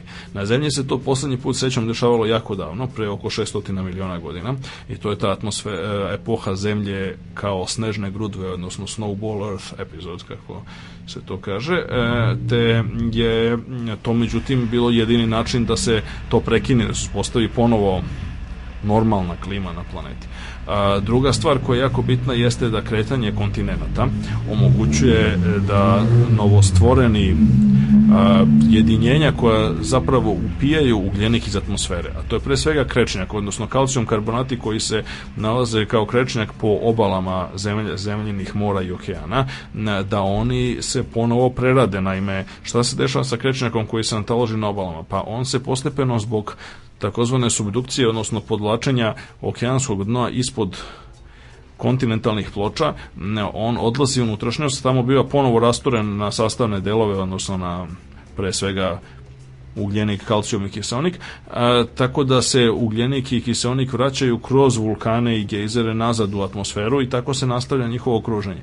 Ovo okruženje omogućuje da se reguliše, čak i u odsustvu živog sveta, da se reguliše količina ugljenika u atmosferi, a samim tim da se reguliše i efekat staklane bašte koji postoji.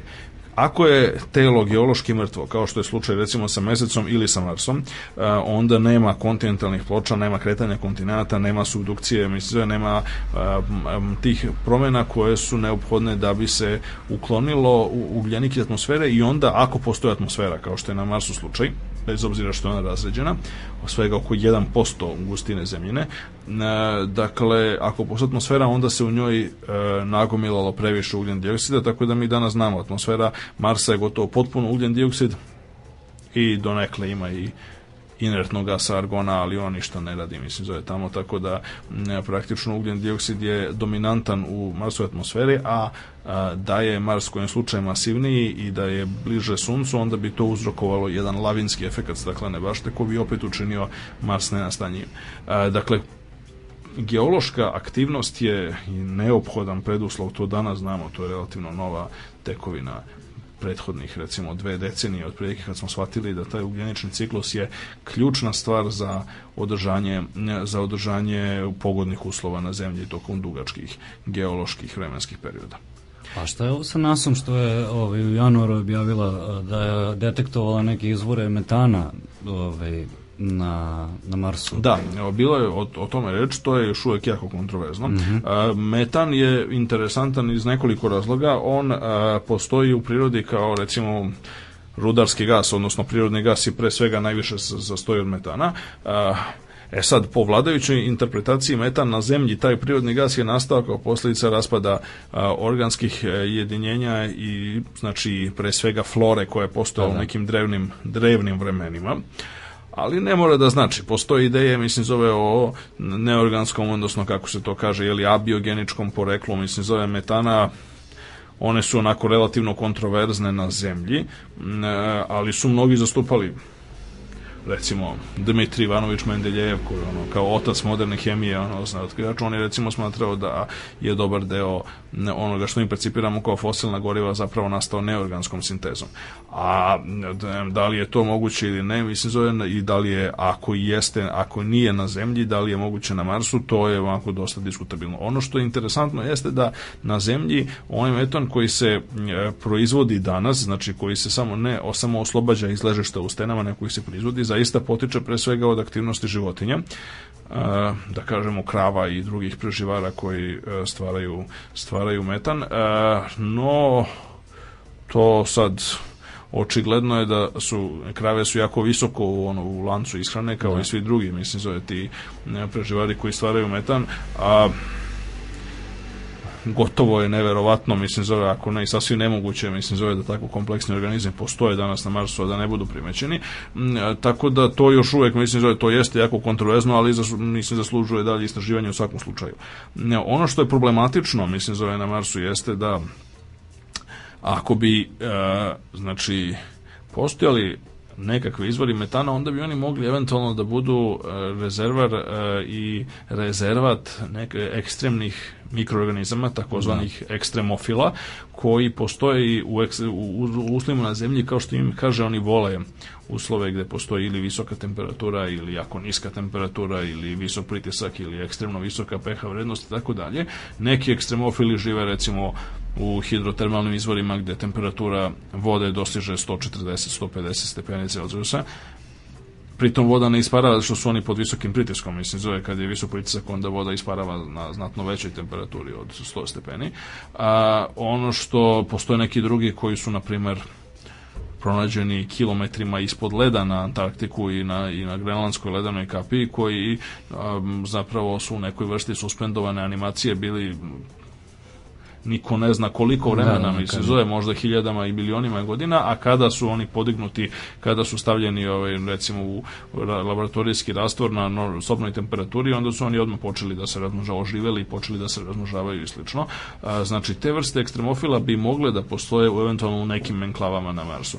A, ono što treba još naglasiti jeste, dakle, šta je još problematično, mislim, za problematično na Marsu jeste što je atmosfera Marsa, i to su ljudi relativno davno ustanovili. To je bio prvi i mm, prvi znak da je ta naivna predstava o životu i civilizaciji na Marsu pogrešna jeste kad su sredinom 20. i 30. godina prošlog veka ljudi ustanovili da je Marsova atmosfera hemijski ravnotežna. A, hemijski ravnotežna znači da se ona, dakle, jednostavno Dakle, ona e, neće, e, ne reaguje u značajnoj meri hemijski sa, na primer, tlom ili mm, e, vodom ili sa bilo čim drugim na, na tlu. I kad bi se ostavila sama sebi, ona bi ostala ista takva, mislim, zove milionima i milijardama godina. To je potpuno suprotno zemljinoj atmosferi, recimo, koja je hemijski jako daleko od ravnoteže. Kada bi, recimo, u kojem slučajem život izumro na zemlji, zemljina, sastav to sve bi se drastično promenio i to relativno brzo.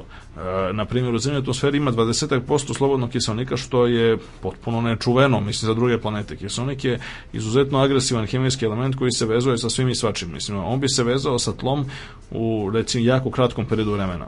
Možda za milion godina bi nestao maltene ili eventualno par miliona godina bi nestalo ne, sava e, kiselnik iz atmosfere. I druge stvari koje takođe postoje u atmosferi koje, zemlje e, koje su izrazito hemijski neravnotežne. A, to da je atmosfera Marsa hemijski ravnotežno ukazuje da ako i postoje organizmi koji vrše nekakav metabolizam na Marsu, onda njih ima jako malo. I oni su, oni su ako dobro skriveni i neprimetni, njihov efekat um, po atmosfersku hemiju jako mali. Uh, e, dalje problem imamo što je površinski sloj Marsovog tla. Znači ona crvenkasta prašina koja se vidi na ovim slikama sa ovih e, e lendera a, e, koji su počeli da stižu tamo negde od, visije, od misije Viking, znači od 80. godina na ovamo, a, e, je ona površinska crvena, crvenkasta prašina je e, tle koje je jako siromašno organskim substancama. Tamo ima jako malo stvari koje su karakteristične recimo za uzorke tla uzete sa zemlje. Čak i u najekstremnijim pustinjama na zemlji znači u Sahari, u pustinji i Gobi, mislim zove, u dolini smrti, mislim zove, u Kaliforniji i Nevadi ima, tamo ima više organskih substanci u tlu nego što ima kako stoje stvari u, ne, u tlu Marsa. A, ono što m, sad bi mogli reći opet ljudi i što kažu jeste da mi nemamo dovoljno veliki uzorak tla Marsa, naime sve sonde koje se spuštale na Marsu uzele uzorke samo iz jako malog dela Marsove površine, tako da mi sad ne znamo, mislim, zove moguće da postoje velike lokalne varijacije, isto kao što na zemlji postoje velike lokalne varijacije između, recimo, Sahare i, na primjer, doline Konga ili, mislim, zove neke, ili, ili, ili, recimo, ne znam, pustinje Gobi, mislim, zove i tamo prašume u Indoneziji i slično. A, tako da moguće da postoje neke druge stvari, ali mi to sad još uvek ne znamo. I konačno, mislim, zove ovaj faktor koji je, jedan faktor koji može biti značajan i u jednom i u drugom smeru ali više u ovom negativnom jeste da je količina zračenja i svemira pre svega znači kosmičkog zračenja ionizujućeg zračenja raznih vrsta je znatno veća na Marsu nego na površini Zemlje i to iz dva razloga pre svega zbog tanje Marsa atmosfere druga stvar zbog mnogo slabijeg Marsovog magnetnog polja magnetno mm. polje Zemlje čini da se mm, kosmičko zračenje kanališe pre svega jedan dobar deo kosmičkog zračenja se Odmah. pada na Zemlju samo u oblasti polova a oblasti polova i tako i tako nisu nešto preterano nastanjene tako da Da, ovaj, tamo se tamo se uticaj na živi svet ne primećuje bitno. Sa druge strane, mislim da ako je magnetno polje slabo kao što je slučaj na Marsu, onda e, to samo znači da je količina radioaktivnosti, mislim zove, odnosno začenja raznih vrsta i svemira mnogo veća. E sad, neki bi rekli opet da to može da ima i pozitivne efekte, pošto E, kosmičko zračenje je poznato kao izvor mutacije i na neki način ono ubrzava evoluciju samim tim što ima više mutacija kad jedno imate živa bića. E, to je tačno formalno, ali opet ni tu ne treba preterivati, a i druga stvar treba da nastanu neka živa bića, što je mnogo teže ako imate visok fluks zračenja, pa onda dolazi do disocijacije komplikovanih organskih molekula. No, sve u svemu to, mislim, zove, nije ti problemi koji su ljudi postali postepeno svesni, znači negde od 1920. i 30. godina, opet nisu baš sa sasvim ovaj, prigušili optimizam u pogledu života na Marsu, tako da je 1976. godine bila lansirana misija Viking, koja je bila prva misija koja je imala prva, znači astronautička misija koja je imala eksplicitno za a, cilj da istražuje, mislim da traži za biohemijskim osnovama eventualnog života na Marsu. E, Uze bude rečeno, ona je sonde Viking 1 i 2 su ušla u istoriju do dana današnje kao najskuplje e, najskuplje misije u istoriji istraživanja planeta. E, nekoliko razloga za to. Jedan je čisto ekonomski, a to je da su neke stvari koje su bile ugrađene kao state of the art mašinerija u misije Viking kasnije znatno pojeftinile, mislim zove. Tako da ovaj, je to donekle, mislim zove, čisto artefakt ljudske ekonomije. Sa druge strane, mislim misle, to su bile masivne misije koje su imale i orbitere i lendere, znači jedan deo je ostao u orbiti da kartografiše Mars, drugi deo se meko spustio na površinu a, i imao je vrlo komplikovane eksperimente da izvrši. Imao je nekakva četiri eksperimenta koji su tragali za ostacima života, mislim zove, ili metabolizma ovaj, na tlu Marsa i rezultate su onako bili kontradiktorni, pri čemu su u principu jedan Tri eksperimenta su dala negativan rezultat, a jedan je dao pozitivan rezultat. I ovaj, tako da je tako je to bilo onako prilično zbunjujuće. Danas postoji gotovo konsenzus u pogledu toga da zapravo osetljivost eksperimenta je bila suviše niska da otkriju e, život ukoliko bi on bio zaista jako razređen. U tlu sa druge strane postoje jake indicije da onaj eksperiment koji je dao pozitivan rezultat je zapravo rezultat greške, mi se zove u samom, e, u samom uređaju, odnosno tom gasnom kromatografu koji se, koji se nalazio ovaj, u lenderu. A, tako da, međutim, i to i dalje konfuzija koja je nastala kao posledica toga je i dalje ono, ohrabrivala mnoge ljude, a ono što je bila dobra vest hajde to da kažemo, e, jeste ono što je konačno potvrđeno, čemu su ljudi spekulisali decenijama, ali ono što je konačno potvrđeno pre nekih šest godina, e, kada je korišćenjem novih metoda istraživanja refleksije kosmičkih zraka e, sa površine Marsa potvrđeno postojanje velikih količina permafrosta.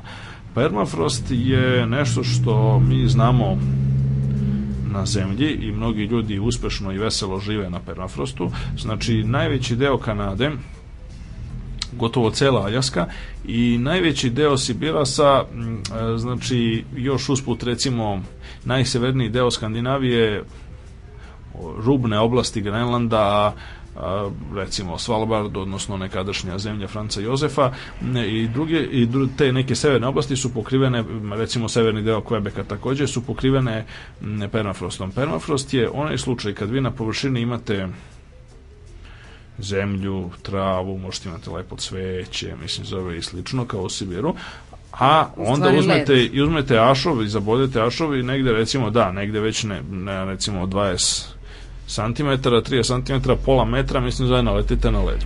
I prvo su mali kristalići leda, a potom mogu biti ledene plohe debele po nekoliko metara, mislim zove nekoliko desetina metara, mislim zove koje prekrivaju tlo. E, na pola metra ispod tla, mislim zove je temperatura takva, mislim zove da led može da opstane tokom cele godine.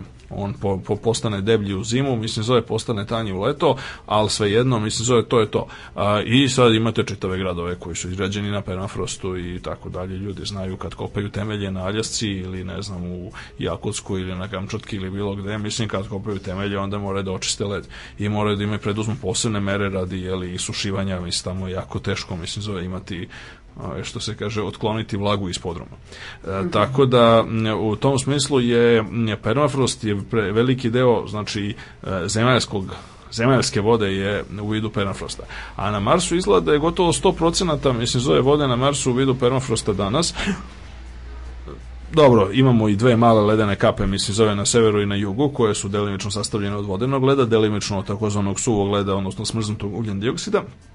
Ono što je međutim e, jako ohrabrujuće jeste da je najveći deo, posebno južne hemisfere Marsa, ali i severne, sve negde do nekih umerenih, sve negde do recimo 40 e, pa negde recimo od 40 stepeni e, severne ili južne marsovske geografske širine naviše je zapravo permafrost. I mi znamo E, mi znamo i odakle ta voda, zato što je sad jasno analizom e, Marsovog tla ustanovljeno je da na njemu ne postoje kanali, ali ono što stvarno postoji je postoje kanjoni, doduše prilično plitki, koje je iskopala voda kada je u geološkoj prošlosti tekla površinom Marsa. Na Marsu su postojala e, reke, na Marsu su postojali mora i okeani, pri čemu i možda adekvatniji izraz bio jezera zato što ta mora na Marsu su bila jako plitka u suštini ona su bila ravna i plitka mislim zove sasvim različita od mora na zemlji ali očigledno je da su postale recimo reke koje su izdubile kanjone koje su ulivale u ta jezera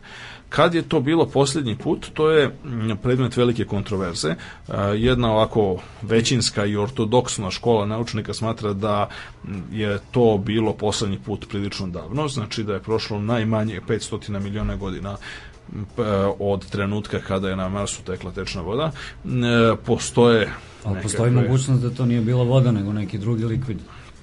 E pa ovo je bila baš voda, mislim mhm. zove, zato što mislim zove nema u principu Mars nije toliko hladan da bi postojale da bi, da bi recimo metan ili druge stvari bile u tečnom stanju, da. a ovaj a on je relativno blizu, znači na Marsu u leto kad su posebno topliji dani, mislim zove na Marsu se, e, na, na ekvatoru se podigne temperatura negde, mislim zove, pa neki kažu, mislim zove i do 10 stepeni, do, do plus 10, U, to je onako pročitao, jako redko. Onda optimizam, a, ali, ja sam pročitao 22 Celsius. Ali ovaj, ne, to je, mislim, zove, to, je, to, je, to, to je gotovo nemoguće, možda neki, stvarno neki ekstremna, ekstremna fluktuacija, ali u principu oko 10 stepeni je najveća vrućina koja se postiže danas na ekvatoru. Mm -hmm. To međutim nije bio slučaj ranije, zato što taj permafrost i ranije koji je da voda koja je danas u vidu permafrosta i ranije je bila na površini zbog toga što je nagib Marsove ose u jednom momentu bio jako veliki. Mm -hmm.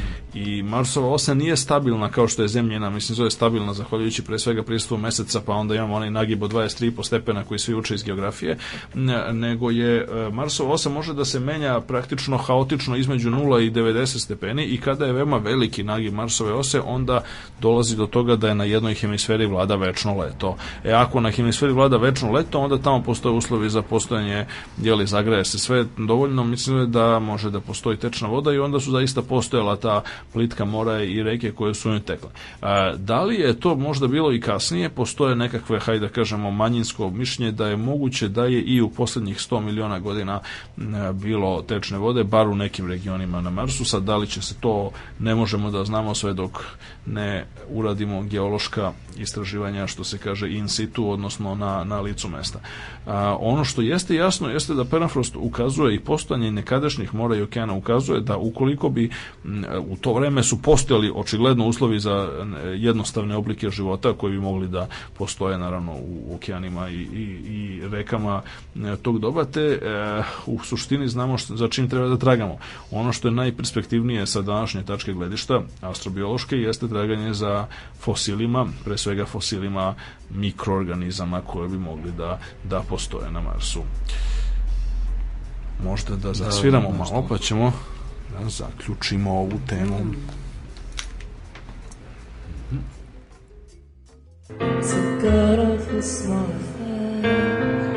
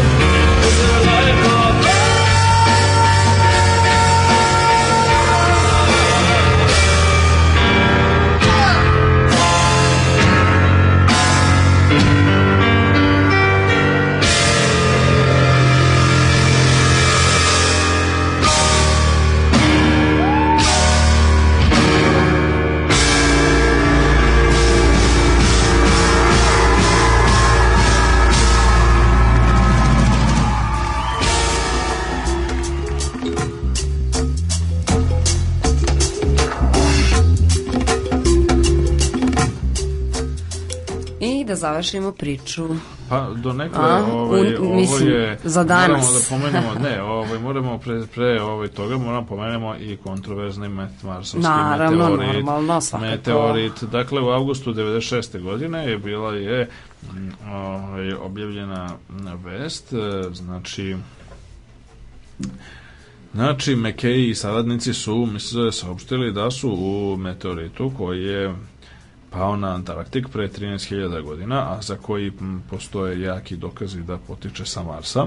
A, dakle, pronađene nekakve biološke strukture. I sad to pitanje i dalje kontroverzno, taj meteorit nosi e, registarski broj ALH 84001 i on je otprilike jedna ovako stena negde recimo 30 40 centimetara velika. E, mi znamo da na zemlju zaista dolaze meteoriti koji potiču ne samo sa Marsa, nego i sa drugih tela, mislim, zove u sunčanom sistemu sa meseca, na primjer, i, i tako, mislim, zove ima tih stvari, zato što jednostavno dešavaju se dramatični događaji na tim telima, recimo udari neki drugi asteroid u površinu meseca ili Marsa i onda pritom izbaci ogromnu količinu stenja u atmosferu. Jedan deo tog stenja će Napusti steći dovoljno brzinu da napusti gravitacijono polje svoje planete ili satelita i da postane ako jedan član sunčevog sistema sam za sebe, a onda posle opet tokom miliona godina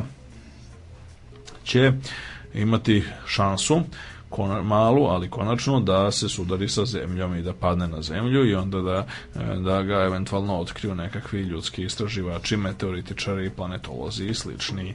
I sad to je takav slučaj bio sa ovim meteoritom ALH 84001 koji je pao na Antarktik pre oko 13.000 godina. Ono što je sećeno okolnost jeste što je pao na Antarktik naravno pa onda samim tim je nemogućnost kontaminacije e, e, zemaljskim mikroorganizmima smanjena, ona nije nestala, naravno, pošto je na Antarktiku ima mikroorganizama, ti mikroorganizmi su svuda oko nas, ali na Antarktiku ih ima daleko, daleko manje nego što ih ima u drugim krajima naše planete. Od kad je meteorit dotični potekao kad je on e, otišao sa Marsa, to je relativno e, kontroverzno, očigledno je to bilo jako davno, po svemu sudeći pre više od milijardu godina, tako da, e, tako da je to bilo u ono doba kad je na Marsu definitivno klima bila znatno drugačija nego na Zemlji, tako da je to jedan od razloga zašto neki smatraju da je ideja o tome da u njemu postoje ostaci fosili marsovskih mikroorganizama logična, prirodna ili nešto što nije, što nije u potpunosti suludo i neočekivano. E, većina astrobiologa je danas skeptična zato što a nije sasvim jasno, mislim pre svega da čak i kada bismo se složili sa tim da tu postoje nekakvi ostaci, to su zapravo fosilni tragovi, odnosno mislim zove nekakve rupice i nekakvi tragovi karakteristični za koji se mogu vidjeti samo pod velikim, znači mikroskopom, elektronskim po mogućstvu, da, da oni ne potiču od kontaminacije zemaljskim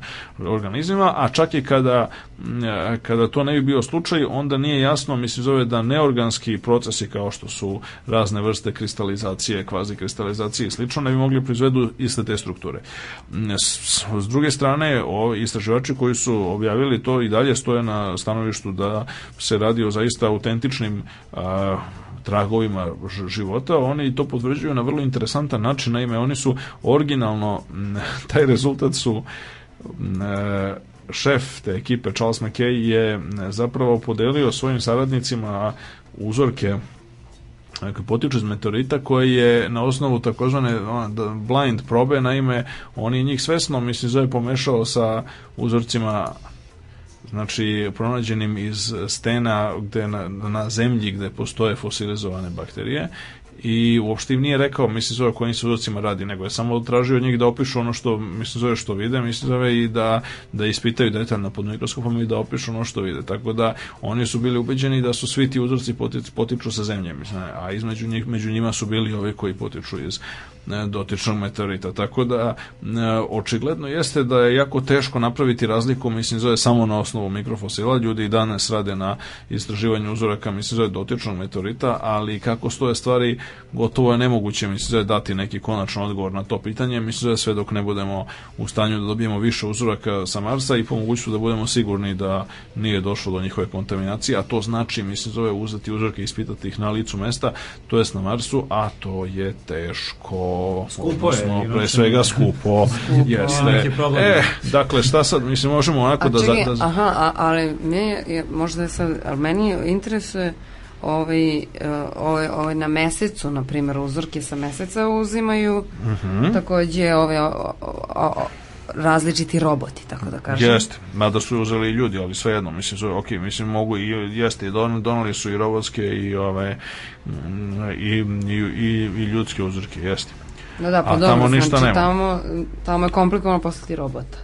E, na Mars? Pa na Mars. jeste, nije komplikovano toliko naravno koliko komplikovano poslati ljude, ali da. Uh, ali je u nekom smislu reči, ok, uh, a ako ćemo da govorimo o tome i dalje je komplikovano poslati mm, e, takvu sondu misle koja će da e, donese uzorke nazad zato što sa meseca je relativno to je ono Bliz. i to je, to je blizu misle i to relativno začas stigne e, do Marsa bi to trebalo dosta da putuje mislim kako stoje stvari ako bismo hteli da štedimo gorivo odnosno ponašamo se onako kako su se ponašale dosadašnje sonde onda one njima treba recimo jedno godinu dana da stignu do Marsa i recimo bi još godinu dana da se vrate e, tako da je je to bi bila onako velika misija i zahteva onako baš Dobro, skupa Baš da. dosta mislim zove. Ono što je takođe problematično jeste da dakle u nekom smislu te reči znači A, sonde imaju relativno ograničeni ovako, one mogu da vide mislim i da nama pošalju razne informacije o tome, ali one imaju relativno ograničeni stepen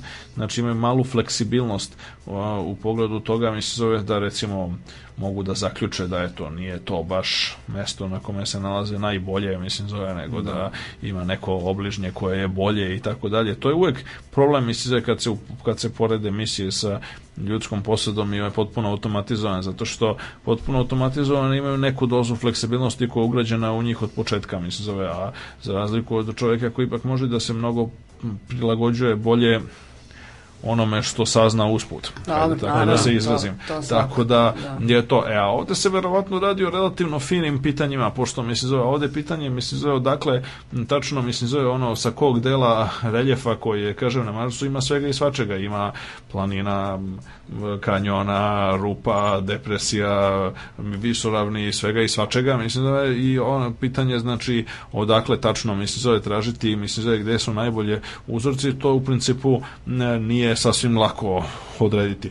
Ali vrlo verovatno da će i do toga doći zapravo pre nego što, mislim, zove se ove, ovaj, ljudi budu fizički iskrcali. Vrlo verovatno da će, mislim, zove se mm, biti, biti poslata neka misija sa, koja će doneti uzorke bez mm, tla pre nego što, mislim, zove se pošalju ljudi, zato što ipak mislim zove za ljude je to mislim zove ono dvogodišnja dvogodišnja misije ono mada je bilo ovih astronauta koji su nesečnih, pogotovo sovjetskih, koji su bili po mm, dve godine, mislim, zove na orbitalnoj stanici Mir i tako dalje, ovaj, ipak je to onako, mislim, zove danas se smatra još uvek suviše velikim i teškim poduhvatom sa stanovišta astromedicine pre svega pa, da, mislim zove zato što i... zato što mislim zove je mislim zove i tim nesrećnicima koji se vratili posle bilo jako teško mislim zove da se da se prilagode u mm. potpunosti i trebalo im još dosta vremena da se da se prilagode a obaška mislim zove što oni bili još ono u orbiti oko zemlje relativno blizu sa druge strane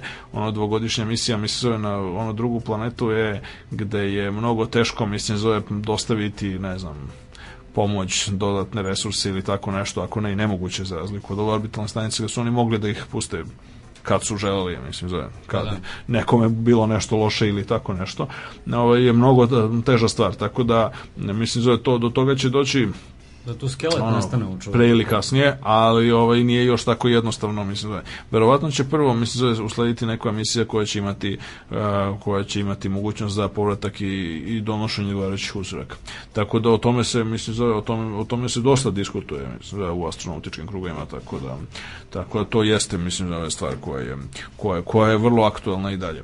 Da, pa je, eh, da. Ono što u nekom smislu reči jasno mislim da jeste da naše pitanje je on znači na neki način ovaj, ne postoji jednostavan odgovor na pitanje imali života na Marsu, kako je stvari, znači na Marsu izvesno nema nekih složenih oblika života. E sad, ono što e, je pitanje postoje li znači mikroorganizmi na Marsu živi ili fosilni je i dalje otvoreno. A, mi znamo da su velike količine tečne vode postojale na Marsu, male količine bi mogle negde u nekim enklavama biti prisutnih i danas. I ono što je takođe interesantno jeste da neki od izdržljivih ekstremofila sa zemlje bi mogli, mislim, zove, znači bakter, neke od bakterija, pa možda i složeniji oblici života kao su poneke alge, mislim, zove, bi mogle da a, prežive možda u marsovskom tlu tako da u kom slučaju bi one same po sebi delovale da se na neki način svaka sledeća generacija i svaka sledeća vrsta bi mogla da bi imala bolje uslove za, za život, tako da to na neki način otvara perspektive da ako je Mars zaista pust kako ovako vizualno izgleda, a, onda bi u nekoj dalje budućnosti, mislim, zove on mogao ovaj, kroz proces ovako poznat ovaj, u naučnoj fantastici kao terraformiranje da se e, prilagodi, odnosno da se učini nastanjivim za, za život sa zemlje. Tako da, da u mhm. najmanju ruku bi mislim on mogao da jednog, da, jednog dana mislim zove ovako bude mnogo manje pustošana, mnogo ovako zeleniji e, te, u tom smislu u tom smislu da li, ove, ovaj, je, da li će do toga doći to će ostaje da se vidi. da sviramo nešto pa Jeste. da pređemo na literaturu. Na književnost.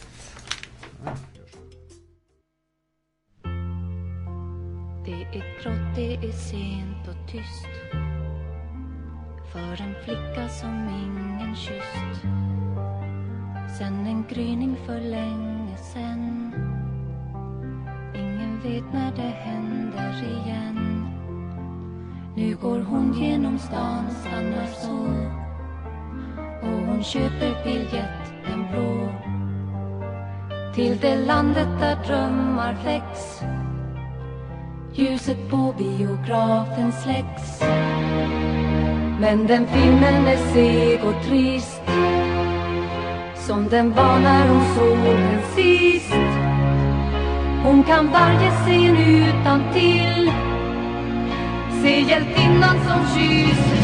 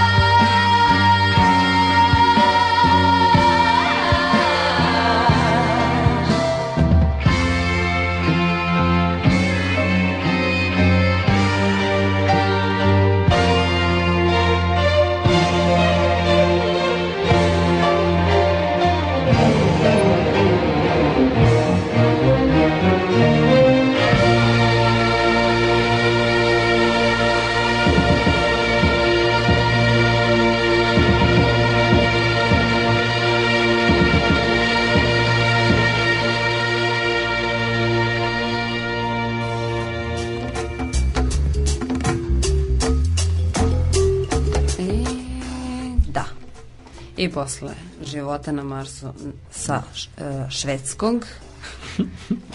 Dobre. Završili smo tu rubriku o životu kaži, kaži, na Marsu. Kaži, gospođa je ovaj, nekada pevala u ABI. Tako je, jedna e... od pevačica AB.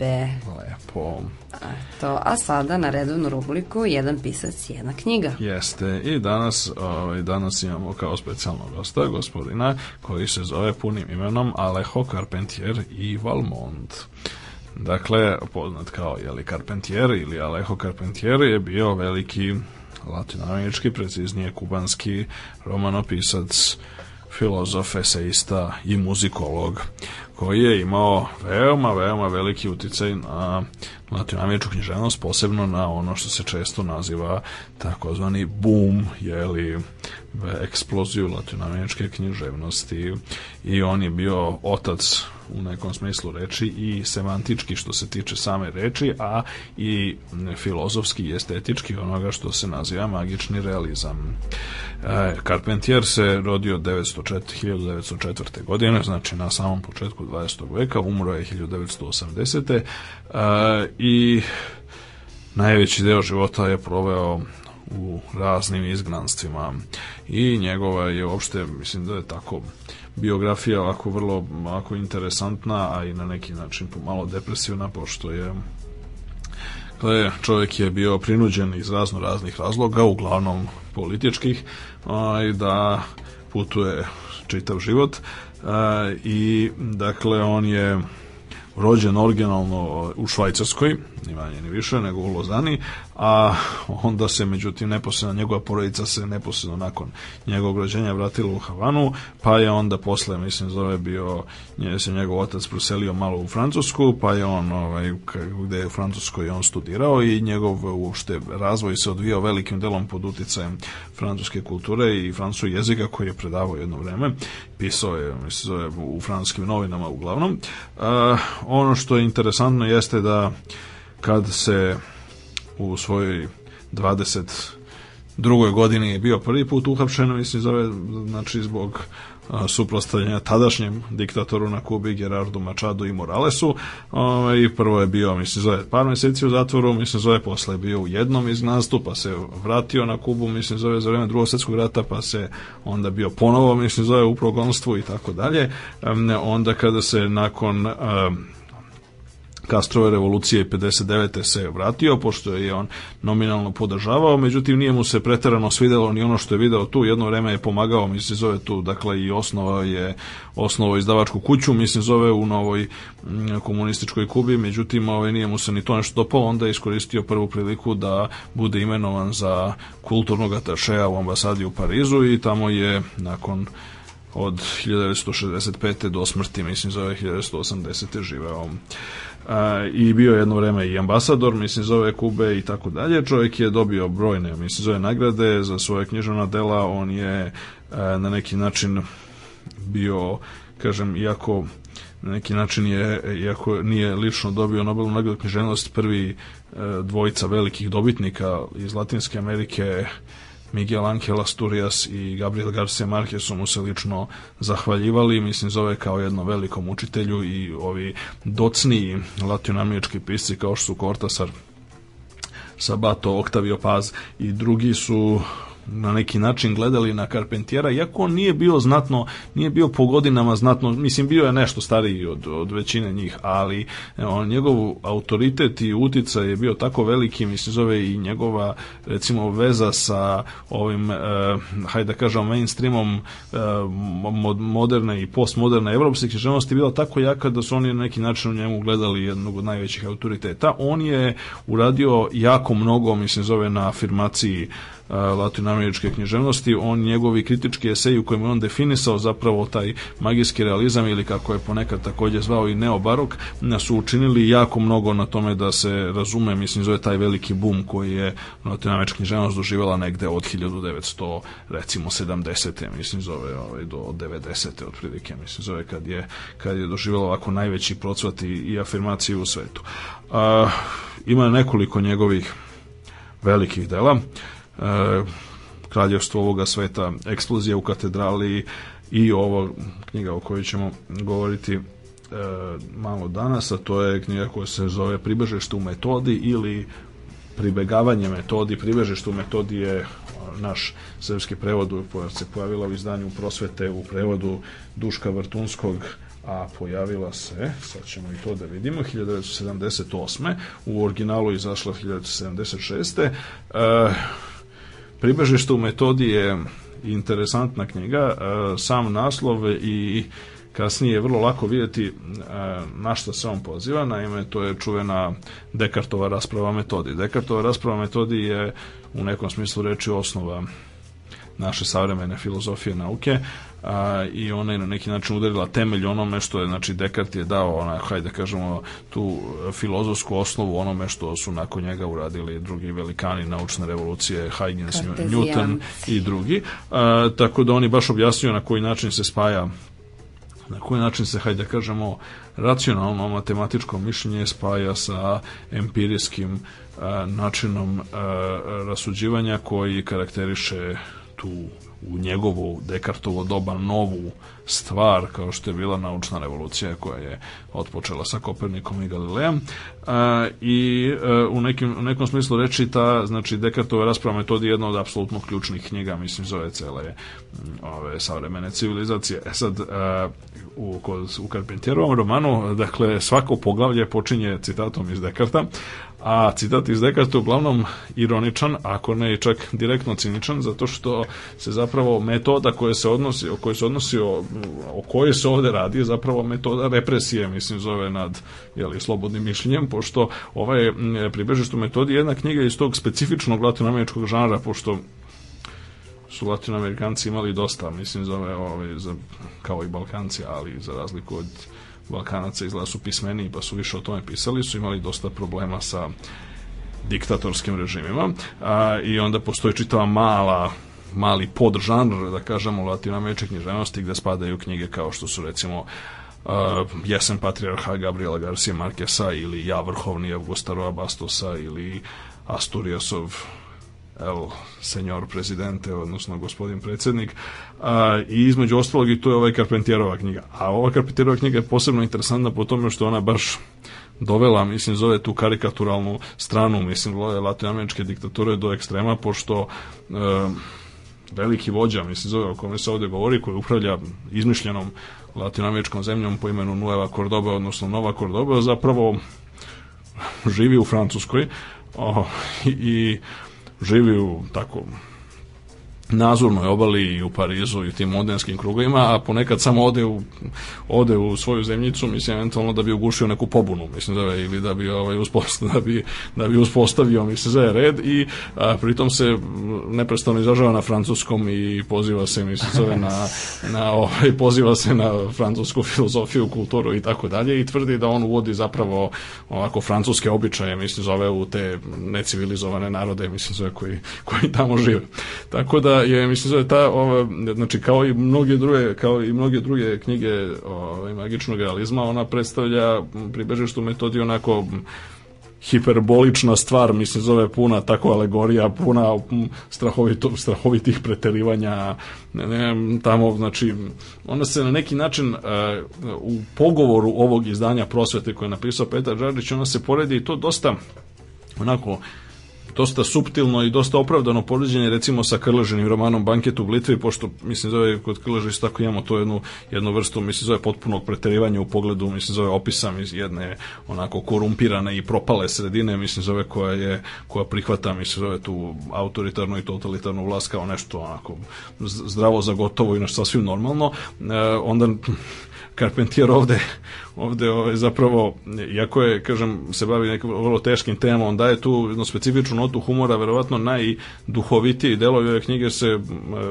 se odnose upravo na protivnike, mislim, zove velikog vođe, pošto protiv, ako išta, mislim, zove komično, mislim, zove to je ta nekakva lažna opozicija koja, ovaj, koja, se, koja sve vreme radi tobože protiv, mislim, zove upravljača i ovaj, velikog vođa, a u stvari je potpuno identično njegova slika u ogledalu i to su ljudi koji isto tako, mislim, zove, ove, ovaj, gledaju isto tako, trude se da govore na francuskom i tako i tako dalje, tako da je to sve u svemu, mislim, zove jedna ovako jako zanimljiva stvar i sve sudno preporučujemo preporučujemo, mislim, zove, dakle, ovaj, našim slušalcima, mislim da je da čitaju Karpentjera koji je u posljednje vreme još nekoliko njegovih knjiga prevedeno, a ne znam za sam kraj, jedan odlomak. Odlomak.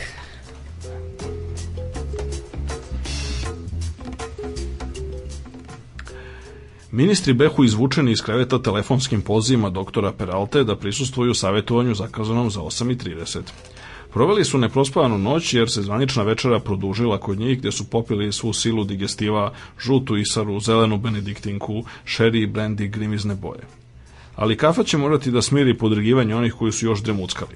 Kako su pristizali stišući mentol bombone, oznojeni od progutanih tableta aspirina, razbistrenih pogleda od blagotvornih kolira, tako ih je domaćica Elmira uvodila u predsednikovo kupatilo.